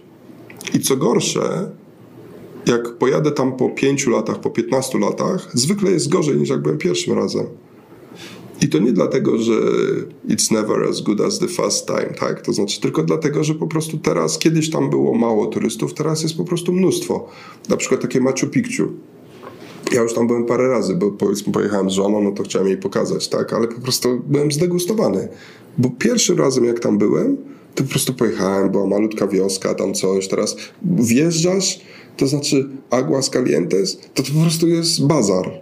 Hmm. To znaczy, jak w Istambule, po prostu w bazarze, po prostu wszystko tam coś, wszystko ładne tam coś takie, to po prostu dla turystów. I idziesz tam na to Machu Picchu, wjeżdżasz i wychodzisz, a tam po prostu dzieciaki, to znaczy wszyscy ci, którzy tam Instagram, to znaczy fotki robią takie, siakie, krzyczą, to znaczy nagrywają coś, coś tam, po prostu harmider, to znaczy, wiesz, a pamiętam to miejsce, że wiesz, że naprawdę, to znaczy jest po prostu taka magia, cisza, i wiesz, nagle patrzysz, kurczę, gdzie ja jestem? To znaczy góry dookoła, to znaczy te, te, te ruiny, wiesz, i po prostu jest jakaś magia. To teraz to, to po prostu żadnej magii w tym nie ma. No, to znaczy... Świat się staje coraz mniejszy i coraz mniej jest takich, indywidu, indy, takich specjalnych miejsc niedostępnych dla turystów. Tak? tak. Przez to, że, że ludzie chyba mają coraz więcej możliwości, po pierwsze, bo technologia tak. pozwala. Tak. Um, Tanie linie lotnicze. A, tak, tak, to, no, to właśnie mówię. Tak. A po drugie, ludzie mają coraz więcej pieniędzy do wydawania i mogą sobie pozwolić na to, żeby być w różnych miejscach. I to widać też często po lokalesach, tak, którzy wykorzystują to tak naprawdę, bo wiedzą, że mogą. Tak, tak, tak. tak. I wiesz, i my turyści po prostu psujemy te miejsca, w które jeździmy. To tak. znaczy, nawet jak nie chcemy nic popsuć, nie mówię tutaj o klimacie, czy jakichś tam śmieciach, czy czymś, ale po prostu psujemy mentalność ludzi. Tam, gdzie ludzie byli bardzo gościnni i coś, to znaczy teraz teraz nagle zaczynają cwaniaczyć, tak? I teraz ty nie jesteś gościem, ty jesteś bankomatem, który tak. przyszedł i teraz tylko trzeba wiedzieć, jak tutaj nacisnąć, żeby kasa wyszła, tak? To znaczy... Mieliśmy taką sytuację, zawędrowaliśmy gdzieś tam e, i podchodzi nas lo, lokalec właśnie, taki starszy człowiek i pyta się, gdzie idziecie? A my na, na, na taką górę, tam jest jakiś znany szczyt. No to ja was zaprowadzę. Tu jest super miejsce, super, super tam skrót, pokażę wam lepszą drogę trochę nieufnie, ale mówimy, ale ty tam idziesz w tamtą stronę? Tak, idę w tamtą stronę, mogę was zaprowadzić. Super, dobra, to idziemy. Przed z nami ze 25 minut nie odzywając się za bardzo, bo nawet pewnie nie znał języka, żeby coś tam e, z nami e, e, pogadać. Natomiast pokazywał nam różne rzeczy tam wygestykulując. No rzeczywiście droga była bardzo ładna. W pewnym momencie dochodzimy do miejsca, gdzie był wodospad i się pyta, czy chcemy zejść na dół i się wykąpać pod tym wodospadem, bo to jest super, a tam fajne, fajne miejsce. Znowu trochę nieufnie, ale mówimy, no kurczę, czemu nie? No, jak mamy możliwość wykąpania się pod wodospadem, a widzimy, że tam nie ma absolutnie żadnej drogi, takiej ścieżki, mhm. takiej, gdzie tam mhm. turyści wydeptali i nas prowadzi przez jakieś zbocza, w ogóle spadamy praktycznie z tego zbocza, dochodzimy do tego, do tego podnóża tego, tego wodospadu, tam się chwilę wykąpaliśmy, nas wyprowadził jakąś inną drogą, żebyśmy wyszli na górę Dochodzimy do jakiejś tam ścieżki wreszcie turystycznej i już ja tak już zgupiałem kompletnie. Gość spędził z nami ze 45 minut albo i dłużej, wspinając się po jakichś dziwnych miejscach. Mówimy, słuchaj, bardzo Ci dziękujemy, to było fenomenalne, jakby nie wiemy tak naprawdę jak Ci się odwdzięczyć, więc tutaj wyjmuję mu jakieś lokalne pieniądze i daję mu równowartość, nie pamiętam, chyba z 20 zł, tak? Mówię, słuchaj, naprawdę myślę, że, że, że dzięki Tobie jakby mamy inne, um, inne, inne wrażenia po tym dniu, tak? A on mówi nie, nie 20, 45. Ja mówię, ale zaraz, jak to? No przecież mówiłeś, że idziesz na samą drogę, jakby to jest, dzięki, ja chciałem Ci podziękować.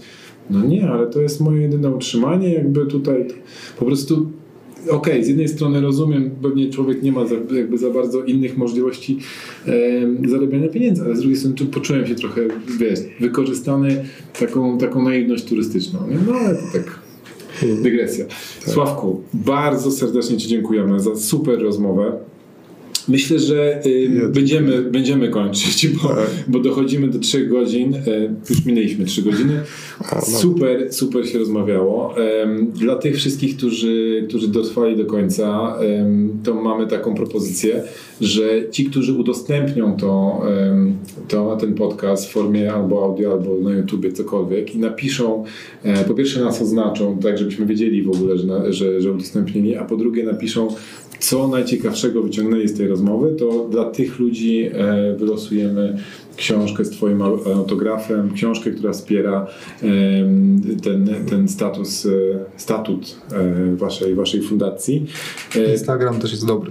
Instagram Do jest super do oznaczenia, Facebook jest super do oznaczenia. Tam, gdzie będziemy mogli zobaczyć, że nas oznaczyliście, możecie nam dać, dać znać, rozlosujemy te książki.